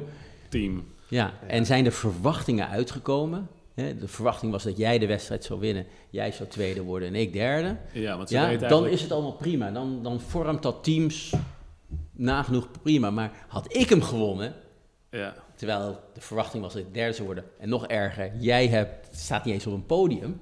Ja, dan heb je als coach wel een probleem. Dan moet je echt al even heel hard werken. Dan moet je zeker aan de slag. Ja. Is dat stiekem ook een leuk onderdeel? Omdat nee, het een dat uitdaging is? Dat is een heel vervelend onderdeel. Ja. Wat dat betreft, uh, ik, ik, ik, ik doe niet, ik practice niet altijd wat ik preach, maar het, het, het is heel erg lastig soms. Ik hou ook wel voor verwachtingen die uitkomen. Ja, uh, aan de andere kant heb je dat nodig als prikkel dat het soms niet uitkomt natuurlijk. Hè? Want anders val je heel snel in slaap. Als je een kind hetzelfde sprookje constant vertelt, dan zal het de eerste dagen niet kunnen slapen. En na 10, 20 dagen en je stopt Liesje in bed, dan zeg je Erna ras eens en ze valt in slaap. Want er komt geen prikkel meer binnen. Nou, dat gebeurt natuurlijk bij ons in het werk. Dat gebeurt in de topsport, maar dat gebeurt ook met het fysieke lichaam. Ja. ja. zorg dat je die prikkels blijft geven. Je noemde net Adam Smith, uh, een econoom. Uh, best knap voor iemand die gesjeest is als economiestudent, dat die kennis er nog in zitten. Als het nou ja, ik reed er toevallig langs en dacht ik, oh ja. Ja, precies. Die ken ik. die, die, waar ken, nee, ken, waar ik, ken ik die ook weer van? je hebt een, even een klein tussenvraagje. Het, is, het, valt een beetje buiten de context, maar ik heb zo genoten ooit, Jeroen, van een interview. Daar moet je ook heel vaak al iets over gezegd uh, hebben daarna. Met Jeroen Stekelenburg, collega van NOS Studio Sport. Dat je uit het niets woorden als serendipiteit en iconoclast liet vallen. Uh, dat was op het moment dat, uh, oh, dat kan ik me nog goed herinneren. Ja, dat Jorien Termors een lange baan medaille won. En dat jij zei, een gouden medaille. En dat jij zei, in de media dat je die graag had ingeruild voor een shorttrack medaille. Ja. Ehm, prachtige televisie, zeg ik dan ook even als eh, deels ook televisiemaker. Ehm, woorden die niet veel mensen gebruiken altijd. Binnen de topsport. Binnen de topsport al helemaal niet, inderdaad. Nee. En ik vroeg me toch even af, eh, deed je dat expres die woorden gebruiken? Of is dat een natuurlijk taalgebruik wat je altijd gebruikt? Of Nee, ik, ik, was het effectbejag? Ik vond het... Wat is de waarheid achter dat moment? Ehm, ik vind het mooi op het moment dat, ik, dat, dat, dat ze druk leggen op iets, om gewoon iets te benoemen waarvan ik in de ogen van de journalist kan zien van oeps, wat zegt hij hier nou? Ja. Ehm, en ja, ik, ik leer mijn atleten, ik heb wel eens voorgenomen, ik ga, elke dag ga ik een atleet een ander woord leren. Nou ja, daar kreeg ik ze niet in mee. Maar eh, ze nu dan eh, daag ik ze allemaal uit, jongens. Dus, ja. Je moet je eens voorstellen, we zitten 150 dagen per jaar met elkaar. Hè? je moet wat buiten die andere dagen op Tialf. En dan zit je op zo'n... Ja, we hebben tegenwoordig dan een hele mooie regel. Eh, tijdens het diner geen eh, telefoontjes meer op tafel. Nou, dat is door mezelf eh, aangedragen. Nou, ik, ik, ik, eh, ik bemoedig dat als geen ander natuurlijk. Ja. Hartstikke mooi om te zien. Ja, en dan gaan die discussies dan over. In het begin ging het natuurlijk alleen maar over mooie auto's, nog mooiere vrouwen. En welke film heb je gisteren op Netflix gezien? Ja, het is leuk als je daar zo nu dan eens even wat in, in kan rommelen. En dat doe ik dan vaak met ja, kijken of ik het vocabulaire wat kan, eh, kan spreiden. En hoe gaat Ja. het? Hoe, hoe is het? eh, gaat Shinky Knecht straks ineens eh, ook over iconoclast praten? Of over serendipiteit? Of noem Oh nee, nou, daar geloof ik, Shinky is daar niet gevoelig voor, Nee. maar en Suzanne Schulting wel. Ik vind dat leuk. Ja, die vindt dat prachtig. En dan zegt ze heb je, heb je een woord voor me, heb je een Ja. woord voor me? Nou, dan zit ik eerst, ja oké, in deze setting zou je misschien dit en dit moeten gebruiken. ja, ja. En heb je het al wel eens teruggezien dat ze een interview Ja, ja, hebben? ja, Ja, ja, ja, ja, Oh, ja, ja, ja. Oh man, welke was het? eh, ja, ik, ik bedoel, eh, Ja, dat vinden we leuk hoor. Als je, als je Ehm, er even opkomt nu. nou, je, je- je- Suzanne was natuurlijk heel erg van de eh, K-woorden en, en ja, ja, ja. Fucking en dit en dat. precies alles ging, kwam, kwam voor die camera. Ik zei, nou, het zou, een het zou je een keer sieren op het moment dat je daar een, een soort met een grappige manier een verontschuldiging in maakt. Hè? Dat, je, je- dat, je, dat, je, dat je je verontschuldigt voor je coprolalie. Nou, coprolalie, dat is eigenlijk dat met... moet ik met zeggen, hoor. Ik word, Nee, ik nee. word nu ook ineens nou ja, la- van lallen, hè, lullen, hè, van kletsen. Eh, eh, ja, dus shitwoorden gebruiken. Eh, nou, dat, dus zij slaat voor die camera en ze wil het zeggen. Ze ziet er echt, ze denkt... Wat, Wat was het ook weer? Ja, ja, heerlijk. Ja. Wat goed, wat heerlijk. Ja, nou, eh, eh, schitterende anekdotes. Eh, ik heb een oude uitspraak van Christian Bokkering, of moet ik zeggen Bukkering, Bukkering volgens Bukkering, mij. ja. oud schaatser of oud shorttracker die met jou gewerkt heeft. Noemde jou een crazy scientist ooit. Vond je dat leuk om te horen? Ach, dat is een, weer een geuzennaam erbij, toch? Ja, Kan nee dat, dat, nee, dat, nee, dat doet me niet zo. Nee, precies. Nou, ik, Als ik- ze zeggen dat ik geen liefde voor de sport heb, dat zou mij meer Dat doen. zou meer pijn Ja. doen. Ik noem dit even als bruggetje naar Govert aan de overkant. Want eh, die zou je ook wel een beetje crazy scientist kunnen noemen. Want zoals eerder gezegd in het begin van de podcast... hij heeft niet de ideale afmetingen eh, eh, voor een roeier. Hij compenseert dat met van alles en nog wat. Ik ben een keer bij jou thuis geweest... wat ik daar aan hulpmiddelen en foefjes en trucjes... en speciale eten zie, zie groeien in jouw koelkast... Vertel eens even hoe jij dat, waarom jij de crazy scientist van het roeien bent. Nee, juist om dus eh, zoveel mogelijk uit dit kleinere lichaam eh, te persen. Ja. Dat, dat is en ei- eigenlijk mijn, eh, mijn grootste uitdaging geweest. En die heeft ervoor gezorgd dat ik me in werkelijk alles wat ook maar enige, enige opties heeft op verbeteren, dat ik daar iets uit probeer te halen. ja. En, ehm, Heb je een gek voorbeeld, zodat mensen weten eventjes van hoe nou, ver je daarin ja, gaat? Goed. In, ehm, net voor de Spelen, eh, nee, net, net na de Spelen van 2008 werd bekend dat de Chinese eh, atleten dat die, eh, uit de atletiek dat die een bepaalde voedingssupplement gebruikten. Wat niet op de dopinglijst stond, maar wat wel ehm, magische voordelen zou, zou hebben. En dat was een, een middel, dat heet cordyceps. En dat is een, komt van een, van een parasitaire rups. Een parasitaire schimmel die groeit in- in het zenuwstelsel van een rups. Die wordt eh, geoogst in het Tibetaanse hooggebergte. Om Nou, maar wat zo- te noemen. Zo, zo eh, eh, zijn de Chinezen dan ook weer. Dan moeten ze dat daar vandaan halen. En die ge- geven dat aan hun atleten. Eh, en, eh, en die werden vervolgens eh, ook eh, in Beijing eh, waren die heel succesvol. En dat zijpelde door via dan weer andere roeiers. Dat dat, dat het middel was om nu te gebruiken. Ehm, en dat ga je dan proberen.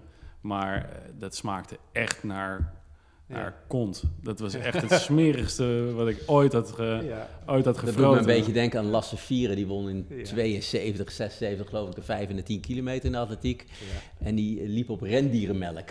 Ja, dat soort dingen. Ja. rendieren. Nou, dat had ik ook. Ja, Of de zwemmers die schildpaddensoep gebruikten van China. Nee, China. Ik zag, ik zag een film dat, die, eh, dat, die, dat die, die, die renners, die staan op de baan. En de coach die komt aan met een schildpad. En die pakt het hoofd van die schildpad, Ops. hakt het hoofd eraf. En die giet die bloed leeg in een, in een tijltje. En die atleten moeten er een, eh, moeten er een, een, een dingetje, een, shotje uitdrinken. Ja, het is een... Dat, dat gaat, ja, ik wil niet zeggen dat gaat het me te ver, te ver Je maar vindt- ik zou het in ieder geval eh, interessant om het even Ja. uit te zoeken. Jij grijpt alles aan, je, je bent nieuwsgierig, dat, hè, dat, eh, dat siert je absoluut. Je- het is geweldig om naar je verhalen te horen. Eh, we hebben een item in deze podcast van de Topsport Community. ehm, dat jij elke eh, aflevering iets meeneemt. Een attribuut uit jouw wonderlijke verzameling, hulpmiddelen en dergelijke. En ehm, nou leidt het zelf in wat je deze keer hebt meegenomen. Het is niet de schaal met Nee, kaasstengels. nee, nee, nee. Hollandse kaasstengels, typisch Nederlands. Eh, maar vertel. Ja, ik heb deze keer heb ik iets meegenomen omdat dat mij ook eh, deed denken aan Jeroen Otter. Eh, dit is een, ehm, ik heb een ring en eh, al mijn eh, gekke experimenten.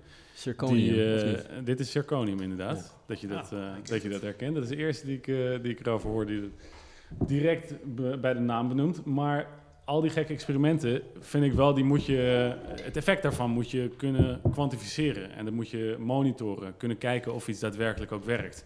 En we hebben niet dagelijks een lab ter beschikking om daar eh, bloeduitslagen in, in te checken. Ehm, maar tegenwoordig kunnen we wel een heleboel wearables eh, dragen om, daar, om dat inzicht te krijgen. En ik vind toch dat, dat uiteindelijk de verantwoordelijkheid bij de sporter ligt, omdat je gewoon je eigen beeld moet vormen over wat goed voor jouw lichaam werkt. En de enige manier om dat voor mij te doen is door een, een persoonlijke NS1-studie hiervan te maken. En eh, dat kan ik eh, inmiddels eh, doen door deze ring. Omschrijf eens even, want het is ook een podcast, niet alleen een YouTube. Ja, klopt. Vlog. Ja. In, in deze ring zit een, eh, zit een hartslagmeter, een eh, temperatuurmeter en een eh, bewegingssensor. Want hij ziet eruit als een soort Tibetaanse Ja. Bali-achtige Ja. mooie ring die vooral voor je gevoel van zen eh, ja, van ik zou invloed bijna is. zeggen, zet er een wapen op en je hebt zo'n heerlijke zegelring Oh, het is die ook je een op soort een college wint eh, Ja. in, in de States. Ja. Het ziet er niet uit als techniek apparatuur, maar Nee, dat is het dus wel. Dat is het dus. Het is heel, het is heel eh, comfortabel om het te dragen voor een sporter. Ja. Je wilt ook niet een, eh, met een hartslag... We hebben ook wel met hartslagbanden moeten slapen. Ja, daar- dat, die gaan los of het zit niet goed. En dan heb je gaps in je, in je, meten, in je metingen. Dus dit maakt dit tegenwoordig... Dit is, zit, zit al die technologie in die ook in, in die hartslagbanden zit. Mhm. En op die manier kan ik dus mijn, eh, mijn, mijn gekke experimenten kan ik kwantificeren en kijken, oké, eh, wordt nu mijn, ehm, mijn slaap dieper? Als ik nu laat s'avonds avonds nog eet, wordt dan, dan merk ik dat ik minder diep slaap, et cetera. Zo kan ik, zo kan ik al die dingen kan ik, kan ik voor mezelf meetbaar maken. En ik heb, het, heb deze nu meegenomen, omdat Jeroen heeft, heeft ook een ring gekregen van jouw atleten.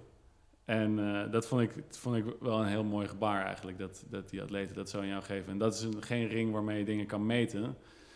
Maar ehm, ik draag het ook eh, omdat het, eh, het zegt iets over, over, over, over jezelf eigenlijk. Van, ik, ik doe er alles aan om, om, om ik doe alles, alles er, ervoor om mijn prestaties te optimaliseren.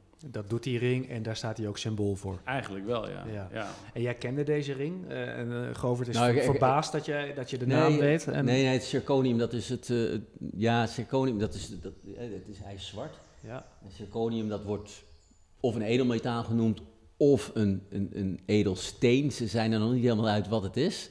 Ehm, en ik herken gewoon de, de, de, ja, de, de, ste- de, de steen of het metaal. eh. Ja. En ik, ik kende de ring niet met, eh, met wat, wat jij net vertelde. Ehm, maar het is wel logisch tegenwoordig in de technologie dat dit allemaal haalbaar is. Eh, als ik zie wat ik soms krijg aangeboden waar, wij- waar, waar wij in het team mee werken.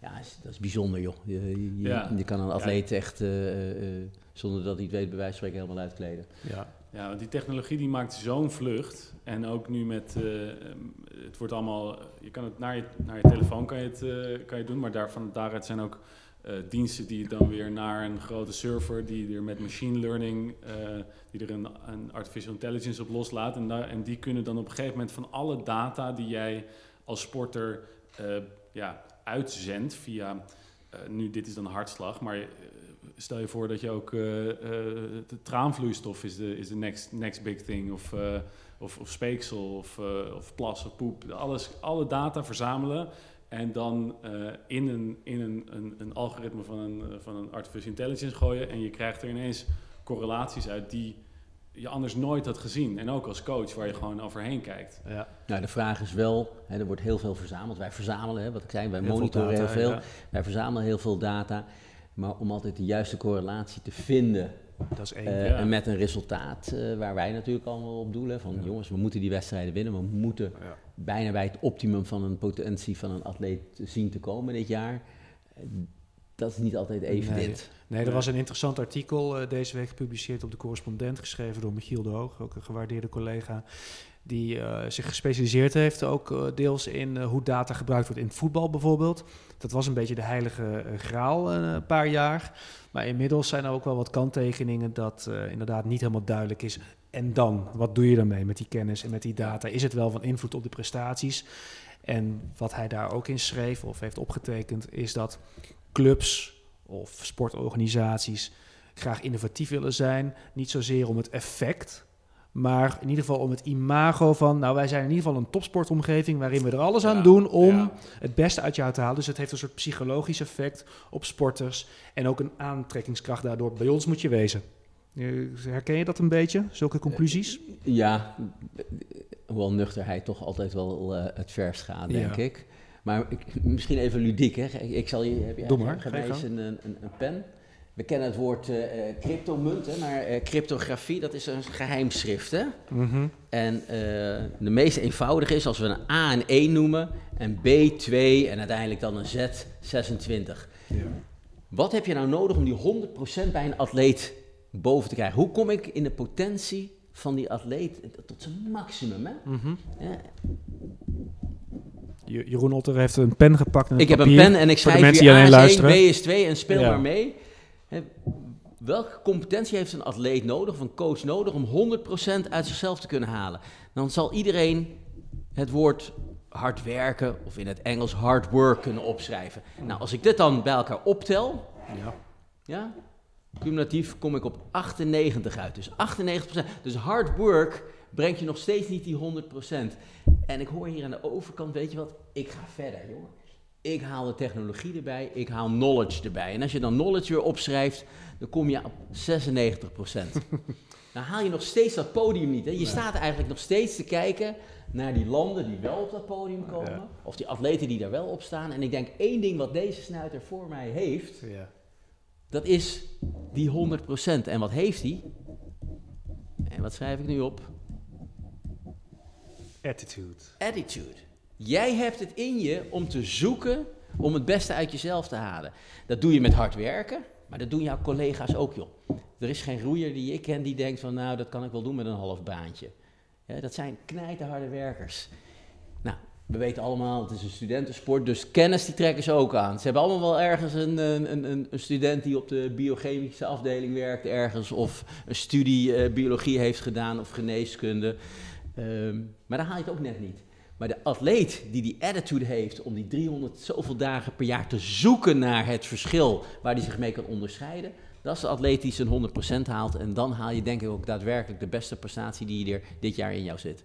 Dus Ik heb ook even een motivational coaching sessie hier, Ja, eh, tijdens... steek die maar in je eh, zak, gewoon ja, vier dankjewel.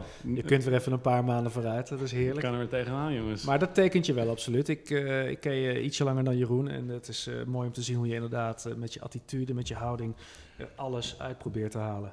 Ehm, we zijn al best lang bezig. We gaan een beetje eh, richting het einde. Eh, we gaan nog wel eventjes door. Maar ehm, we gaan over de horizon kijken, de toekomst. Ehm, hoe lang loopt jouw contract nog als bondscoach van de short track? tot de Spelen van Beijing, dus tot de Spelen van 2022. Ja, dus dan heb je hem verlengd. Van het, het liep ooit tot 2019. En je hebt heel even overwogen om te stoppen. Ja, na, mij- na de Olympische Spelen, de meest recente Olympische Spelen. Ja, ja. dus Even, jongens, krijg ik eh, eh, eh, terug wat ik erin stop? Wat zijn mijn uitdagingen? Mhm. Wat wil ik bereiken? Het is, ik heb ook prikkels nodig. En als die prikkels op een gegeven moment zich niet meer voordoen, ja, dan is het misschien tijd om te stoppen. Je moet je voorstellen, ik ben begonnen in de States als 27-jarige. Mhm. Ik had een aantal atleten die misschien wel een jaartje ouder waren dan ik. Ehm, nou, dan word je een paar jaar eh, verder en dan zit je, ben je 37 en dan heb je nog steeds atleten van rond de 27, tussen de 20 en 27. Maar ja, de afstand, ik word steeds ouder, maar die atleet blijft dezelfde leeftijd. Dus eh, de afstand tussen de coach en de atleet wordt steeds groter. En op het moment dat ik het idee heb dat ik geen binding meer met zo'n atleet heb, of dat de atleet dat aangeeft, ja jongen, maar met jou kan ik dat niet.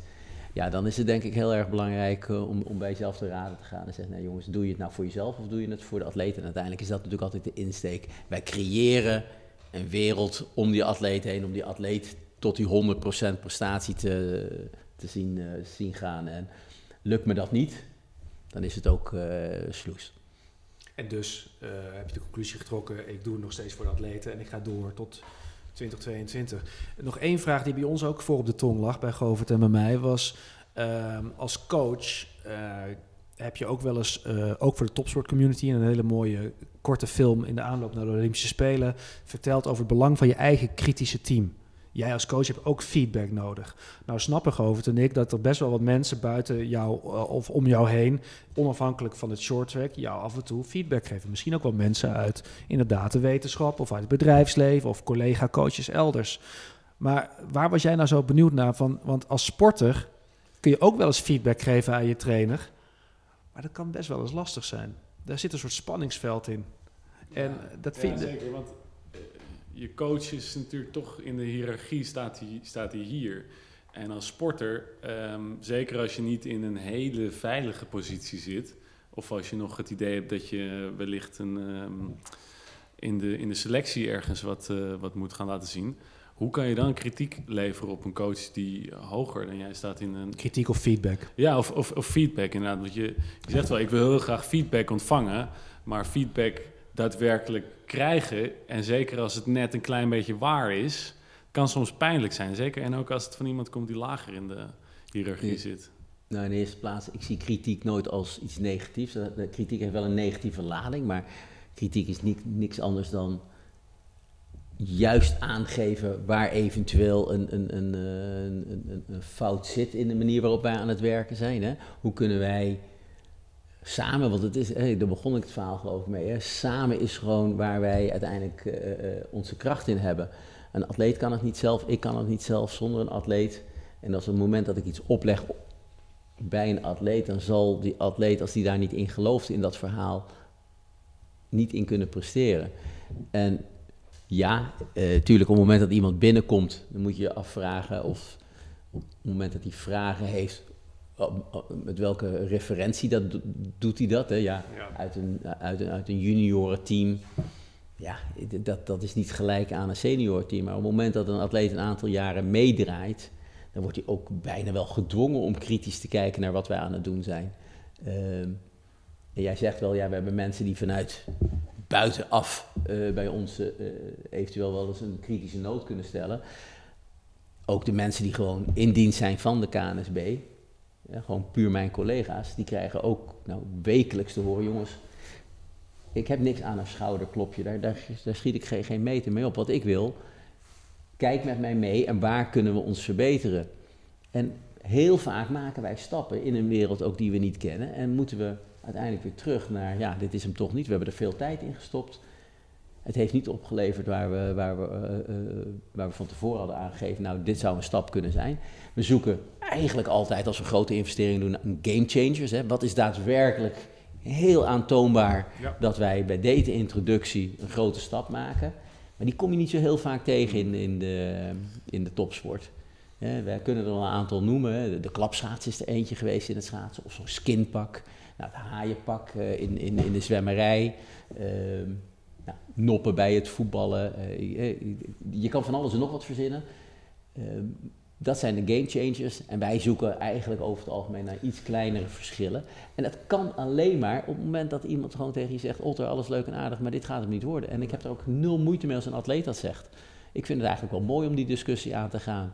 En eh, laten we dan maar zitten en geef maar eens aan waarom jij denkt dat je dit en dit moet doen. Dan is dat een goed verhaal, dan eh, zal ik wel de laatste zijn die daar een streep door zet. Is er in de aanloop naar de Olympische Spelen 2018, de extreem succesvolle Olympische Spelen eh, voor het short track, is er een moment geweest dat er een sporter een, een, een, eh, van je pupillen feedback heeft gegeven, die later misschien wel eens heel belangrijk is geweest in het bepalen van het succes van 2018?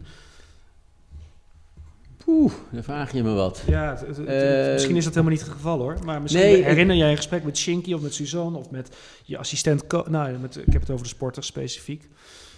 Nou, Dat je op dit moment niet zoiets kunnen benoemen. Ik moet ook zeggen, ik leef altijd in het nu en ik kijk niet zo heel veel terug naar wat er gisteren of eergisteren gebeurd zijn. Mijn evaluatiegesprekken duren ook nooit zo lang. Eh, het, het gaat mij echt daadwerkelijk, wat kunnen we vandaag doen om morgen Ja. beter te zijn? Ja, Eh, want dat is de basis waarop wij drijven. En als jij nu vraagt over iets van anderhalf jaar Ja, geleden, dat, dat is alweer heel lang Dat is een geleden. heel, heel, heel In de tijd tussentijd geleden, is er al heel veel gebeurd. is er weer. heel veel gebeurd, ja. Dus ehm, Misschien wel de belangrijkste gesprekken die ik in, in, in dat jaar had, waren met Yara Ja. en, en, en haar WADA-problemen die ze op Ja, dat moment de had. doping, eh, Die- verdenking. Ja. ehm, als je dan weet wat dat met een atleet doet Ja, en hoe belangrijk die atleet voor het damesteam was, ja. eh, ehm, hebben we daar met die gesprekken wel eh, de juiste keuzes gemaakt. ja, dat is goed uitgepakt, gelukkig.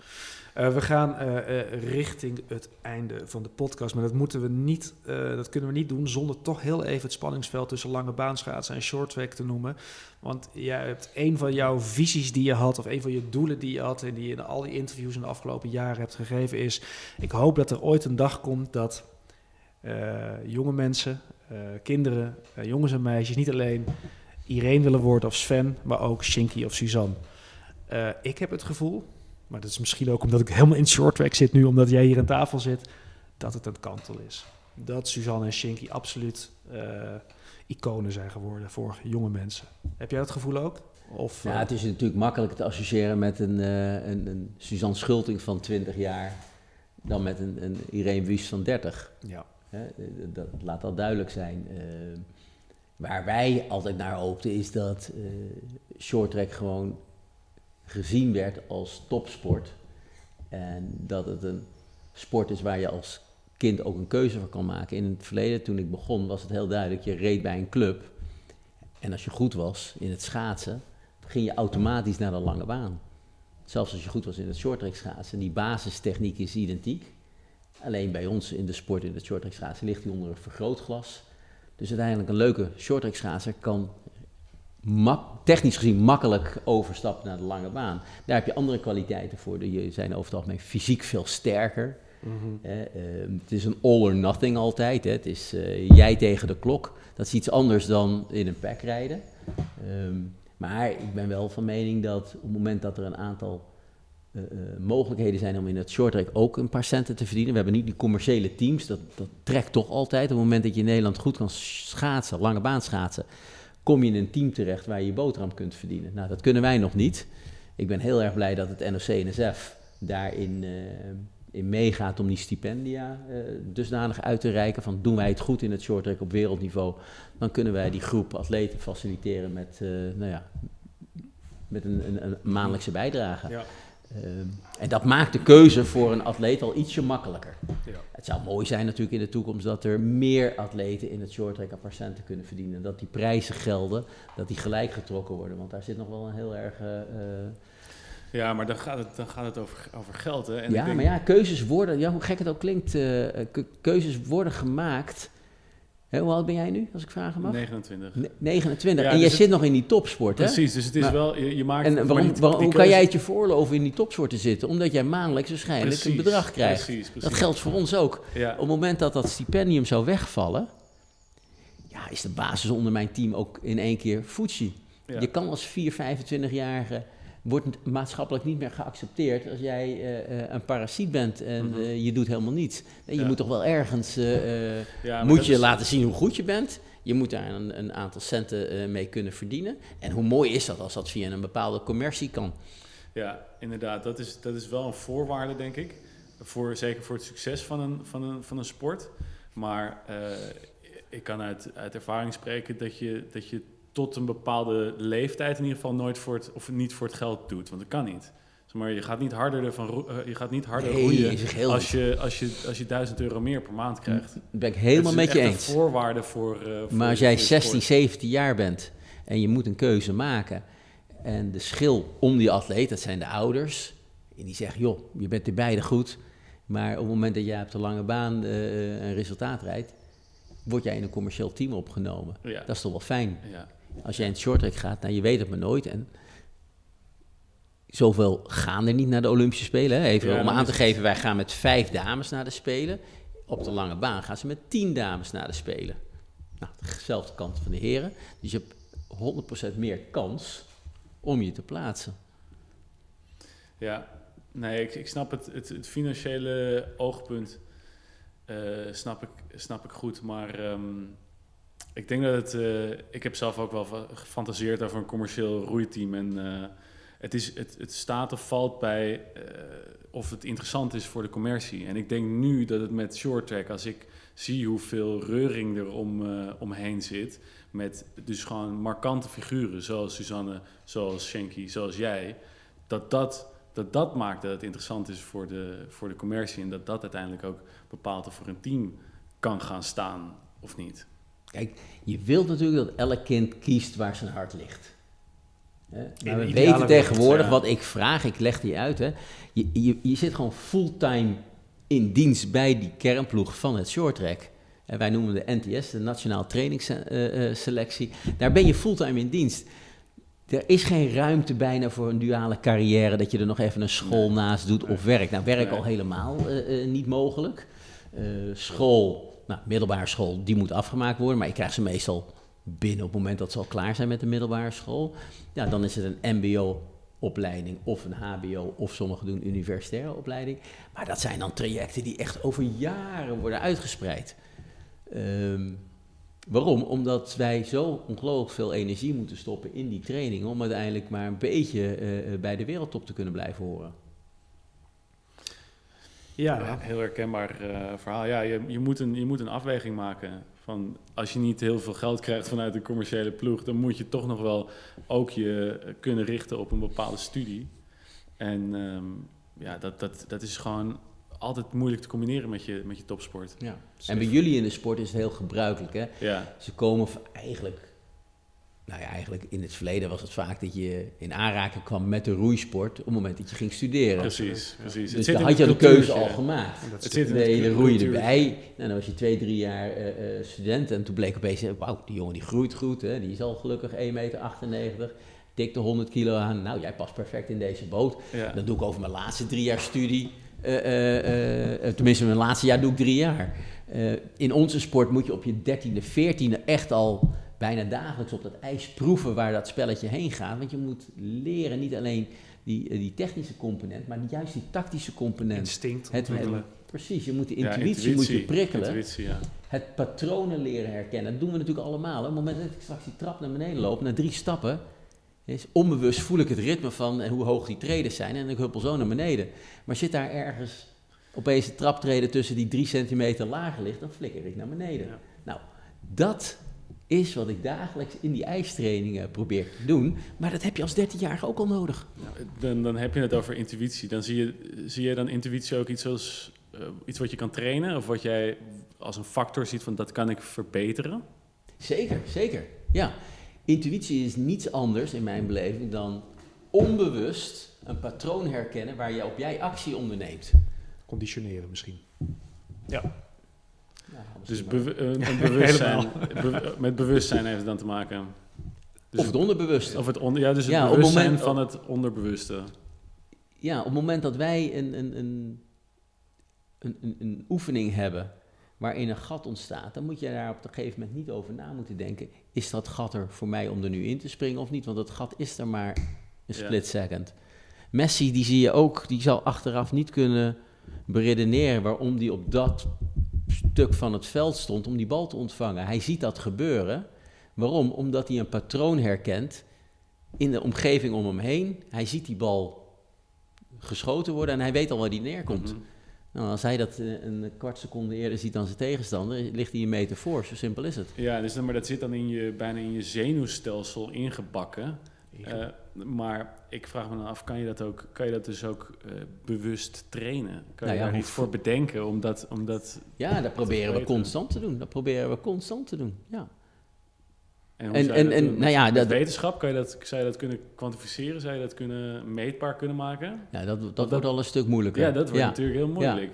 Het, het, het meetbare wat wij dan gebruiken is, wordt die een betere Ja, schaatser, wordt sneller. minder Ja. gedisqualificeerd, ja. Passeert hij makkelijker of blokkeert hij makkelijker, heeft hij koers in zich zoals je het in het wielrennen zou zeggen, Ja. of spelinzicht in heel veel andere sporten. ja, ik zit te denken inderdaad hoe je het in andere sporten zou kunnen, zou kunnen meten. Kijk, dat maar- zal jij in het roeien wat minder hebben. Ja, nou, je Eh, hebt ook Maar wat jij wel moet, eh, waar, waar- in welke positie zit je? op de slagpositie, dus het ritme aangeven. Oké, Ja, ja, dan heb jij, heb jij helaas eh, weinig mensen voor je. ik heb minder mensen voor me, maar je, je, je leert wel onbewust patronen herkennen van eh, wanneer schuiven er dingen in het veld zonder dat je het ziet.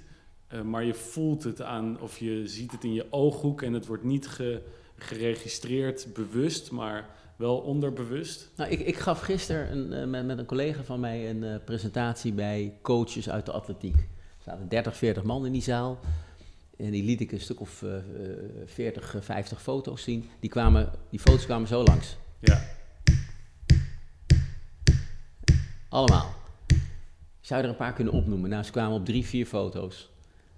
Daarna heb ik ze in een andere setting laten zien. Ze konden herkennen ze allemaal. Ja. Dus je slaat wel wat op. En dat gebeurt natuurlijk met elke beweging ook. Op het moment dat jij hier de straat op loopt en er gebeurt wat, dan heb jij dat in jouw 29 jaar een plaats kunnen geven en daar reageer je op. Nou, niet iedereen wordt geboren met schaatsen aan, maar op het moment dat ze in het shorttrack schaatsen vroeg aansluiten, Mhm. En dat betekent eigenlijk al op, nou ja, op het moment dat Ja. ze net tiener worden. Technisch schaatsen, dat zien we in de efficiëntie. Nou, dat heb jij in het roeien natuurlijk ook. Wie kan efficiënt roeien? Die fysieke component, die kan je later heel makkelijk trainen. Hè? Maar daadwerkelijk de tactiek, het, het leren herkennen en erkennen van patronen. En dat uiteindelijk in een, in een onderbewuste uitvoeren, ja, daar heb je echt een hele lange tijd voor nodig. Want jouw tegenstanders hebben dat ook al vanaf hun tiende, twaalfde, dertiende gedaan. En dat is zo moeilijk racen voor ons tegen die Koreanen, want die hebben veel meer toppers om hun heen. Dus dat, de, de snelheid van het spel ligt veel hoger. De Premier League is ook gewoon een niveau hoger dan Ja. de Eredivisie. Dus op het moment dat je als Eredivisiespeler naar de Premier League gaat, ja, dan, dan moet je echt heel goed schakelen. Ja. Wil je dat bij kunnen houden? En dan de frequentie ook nog van wedstrijden. Inderdaad. Dus als ik, dan, als ik dan samen moet vatten, dan is het eh, op hoog niveau wedstrijden doen en zoveel mogelijk. En zolang eh, als al heel jong beginnen. Dat is de manier om, om dat soort Ja. zo inzicht en intuïtie te Nou ontwikkelen. ja, zolang, zolang jij beseft dat onze sport, hè, lange baan is een hele technische en fysieke sport. Maar tactiek doet er niet toe. Tegenwoordig heb je dan eh, gelukkig eh, de, de massstart daarbij en je hebt nog een aantal onderdelen. Maar de individuele rijder die rijdt op zijn metric eh, afstanden, rijdt hij gewoon fysiek en techniek. Kan hij dat goed koppelen, dan komt hij een heel eind. Bij ons met deze twee heb je toch nog steeds een heel groot probleem als jouw tactische component niet ontwikkeld is. En dan heb je ook nog een soort agility nodig. Hè? Eh, eh, is die behendigheid er niet omdat je zo groot bent als dat jij bent? Eh, of je bent zwaar, een zakje door het ijs heen, kan je minder sturen. Of je hebt gewoon de flexibiliteit niet van nature mee. Ja, dan heb je gewoon een nadeel. Dan kom je er gewoon niet aan te pas. Nou, dat brengt mij, de finishlijn is in zicht, Jeroen. Dat brengt me bij eh, jouw eigen dochter, die eh, getalenteerd is. vroeg begonnen is. Hoe oud was ze toen ze voor het eerst een shorttrack rondje van 111 meter draaide? Dat zal wel vroeg, dat zal wel in Canada geweest zijn. dus dat was een jaartje of 7, 8. Maar ze heeft zich eerst altijd op, op andere sporten gericht. Mhm. Ehm, en uiteindelijk pas op haar, ik zou zeggen, 14e, 15e is ze eh, meer wekelijks gaan trainen en dat ook hard gaan doen. Nou, ze heeft in ieder geval, eh, het, het gaat goed. Eh, ze tikt een redelijk niveau aan. Oranje zou zomaar, het wordt niet uitgesloten, laat ik het zo zeggen. Eh, dat brengt ons bij eh, de slotrubriek van eh, Boven het Maaiveld, de podcast van de Topsport Community. Eh, het dilemma. Ik heb er stiekem eh, volgens mij al iets over gelezen, maar stel nou jouw dochter haalt Oranje en jij bent nog bondscoach van Oranje. Eh, is dat een dilemma voor je? Nou, zover op het moment dat ik merk dat in de omgeving of bij haar iets ligt van hé, hey, nu zitten we op een, op een, eh, een mijnenveld wat niet geaccepteerd wordt, dan ben ik de eerste die zegt klaar. Oké, ik, heb, wel een prachtige sportcarrière achter de rug als atleet, maar ook als coach. Uh, ik kan mijn kwaliteit op andere gebieden ook nog heel goed aan die sport geven. Ja. Uh, maar blijkt dat het gewoon heel prima kan werken. En ik heb natuurlijk mooie voorbeelden gezien. Van ja, vaders en zonen en dochters die prima samenwerken. Precies. Ja. En, en als de omgeving daar ook niks van vindt, of niks negatiefs van vindt, dan is dat uh, ook Maar stel het gaat om het plekje Jeroen Otter als bondscoach of dochter. Uh, het, dan is het dochter. Dan is het dochter ja, en dan ga jij je vleugels uitslaan. En ja. dan zien we wel waar, nou, waar je landt. Dan denk ik dat ik een keer bij roeien kon kijken. Ja, ik ben helemaal welkom. Kom, ik heb het idee dat deze podcast uh, straks als de knoppen uitstaan nog heel eventjes doorgaat. Jeroen Otter in het roeien. Ja. Op mijn papiertje staan we nader het einde. Nou, we zijn er wel hoor. We zijn dicht bij het einde van boven het Maaiveld. de podcast die u dus wordt aangeboden door de topsportcommunity. Uh, u weet wel, uh, faciliteren uh, wetenschap, topsport en bedrijfsleven. Dat brengen ze bij elkaar, kruisbestuiving. Jeroen Otter was onze eerste gast. Dankjewel Jeroen dat je hier was. Een geweldig mooi verhaal. Um, onze volgende gast is Pieter van der Hogeband, oprichter van Topsport Community. Ah, de chef de mission. De chef de mission van uh, Tokyo 2020. Hij heeft een prachtig mooie baan bij, dus daar gaan we hem over bevragen toch over het allemaal. Ja, ja. We gaan mijn baas eigenlijk. Uh, jouw baas, mijn baas. Ja, ja. weet je, wauw. Ja, dat, dat spannend ja, voor je. Dus in de hiërarchie moet ik dan ja. kijken of ik kritiek, nou ja, kritiek hoeft niet, maar kritische vragen. Ja, maar daar wordt hij beter van, hebben we geleerd. Ja, ja, als en als het, het goed is, kan, gaat hij daar goed mee om. Kan, kan ontvangen. Ja, dat denk ik wel. Um, we gaan hem ook een vraag voorleggen uit jouw mond. Namelijk, um, op het einde zullen we hem ook een dilemma voorleggen. Maar dat dilemma mag jij ons in de voeten schuiven en dan geven wij het door. Wat wordt het dilemma van Jeroen Otter voor Pieter van der Hogeband in aflevering 2 van Boven het Maaiveld? Wauw, wauw. Nou, Pieter komt natuurlijk uit de zwemsport. Als je het echt over iconen hebt, dan, dan uh, schrijf je dat bij hem met, uh, met kapitalen, denk ik. Ja. We zien ook, hè, we hadden het net over de commercie in de schaatsport. Maar dat is met commerciële teams. Wat wij nu zien in de zwemsport, is dat er commerciële wedstrijden georganiseerd gaan worden. Mm -hmm. Nou, als chef de mission, als liefhebber van het zwemmen, als topzwemmer zoals hij geweest is, hoe staat hij er nou in? He, want uiteindelijk, Pierre de Coubertin zei ooit van uh, meedoen is belangrijker dan winnen. Nou, we weten allemaal dat dat uh, tegenwoordig niet helemaal meer geldt. Ook niet bij het NRC-NSF. Maar wat als de commercie nou eigenlijk de Olympische sport in de wielen gaat rijden? Zou hij het accepteren dat atleten uiteindelijk kiezen voor een commercieel wedstrijdseizoen? Ja. Ik noem maar wat, direct na de Spelen van Tokio zegt een groep van ik ga alleen maar deze wedstrijden rijden of zwemmen waar ik het geld kan verdienen. Of zegt hij nee, want hè, wij als NOC-NSF, wij als Nederlandse Zwembond hebben deze atleet vanaf zijn tiende al gesteund. En wij hebben eigenlijk al heel veel geld in dit team gestopt. Het heet wel misschien geen commercie, maar dat is natuurlijk wel zo. Ja. En wij vinden dat jij moreel verplicht bent om uiteindelijk gewoon bij de zwembond te blijven. Het is meteen al best wel een kritische, kritische vraag, denk ja. ik. Nou ja, Vanuit zijn functie als uh, chef de mission. Ja. ja. Nou ja, het is, uh, het is de eindrubriek, dus we, houden, we houden die een tijdje op zak en dan gooien we hem voor de voeten. Ik ben heel benieuwd, heb je enig idee, je hoeft het niet te zeggen, maar heb je enig idee welke kant hij op gaat buigen? Je voor, nou, hij, hij, zal politiek heel correct zijn. ja, ja, ja. Dat hoort bij de baan, hè? Ja, ja dus hij zal met de atleet gaan spreken. Of hij misschien niet een, hè, een gedeeltelijk kunnen doen in het uh, reguliere zwemmen. En dan aan het einde van het seizoen uiteindelijk een keuze maken voor de commerciële wedstrijden. Nou, Govert, dankjewel dat je hier was. Mocht jij uh, straks uh, weer naar de Olympische Spelen mogen en een medaille winnen, dan komt hij misschien ook een heel klein beetje op het konto van deze podcast, van deze uh, motivatiesessie. Dankjewel dat je er was. Wij zien elkaar volgende keer weer. Uh, Jeroen, dankjewel. Je was een uh, fantastische eerste gast van deze Boven het Maaiveld podcast van de Topsport Community. Ik hoop uh, dat we elkaar nog veel zien en dat we nog veel van je gaan horen in het short track. En ik gun je het allerbeste. Dankjewel. En kijkers en luisteraars, wij hopen jullie natuurlijk ook weer te, bij ons te hebben in aflevering 2 van Boven het Maaiveld. Tot ziens allemaal.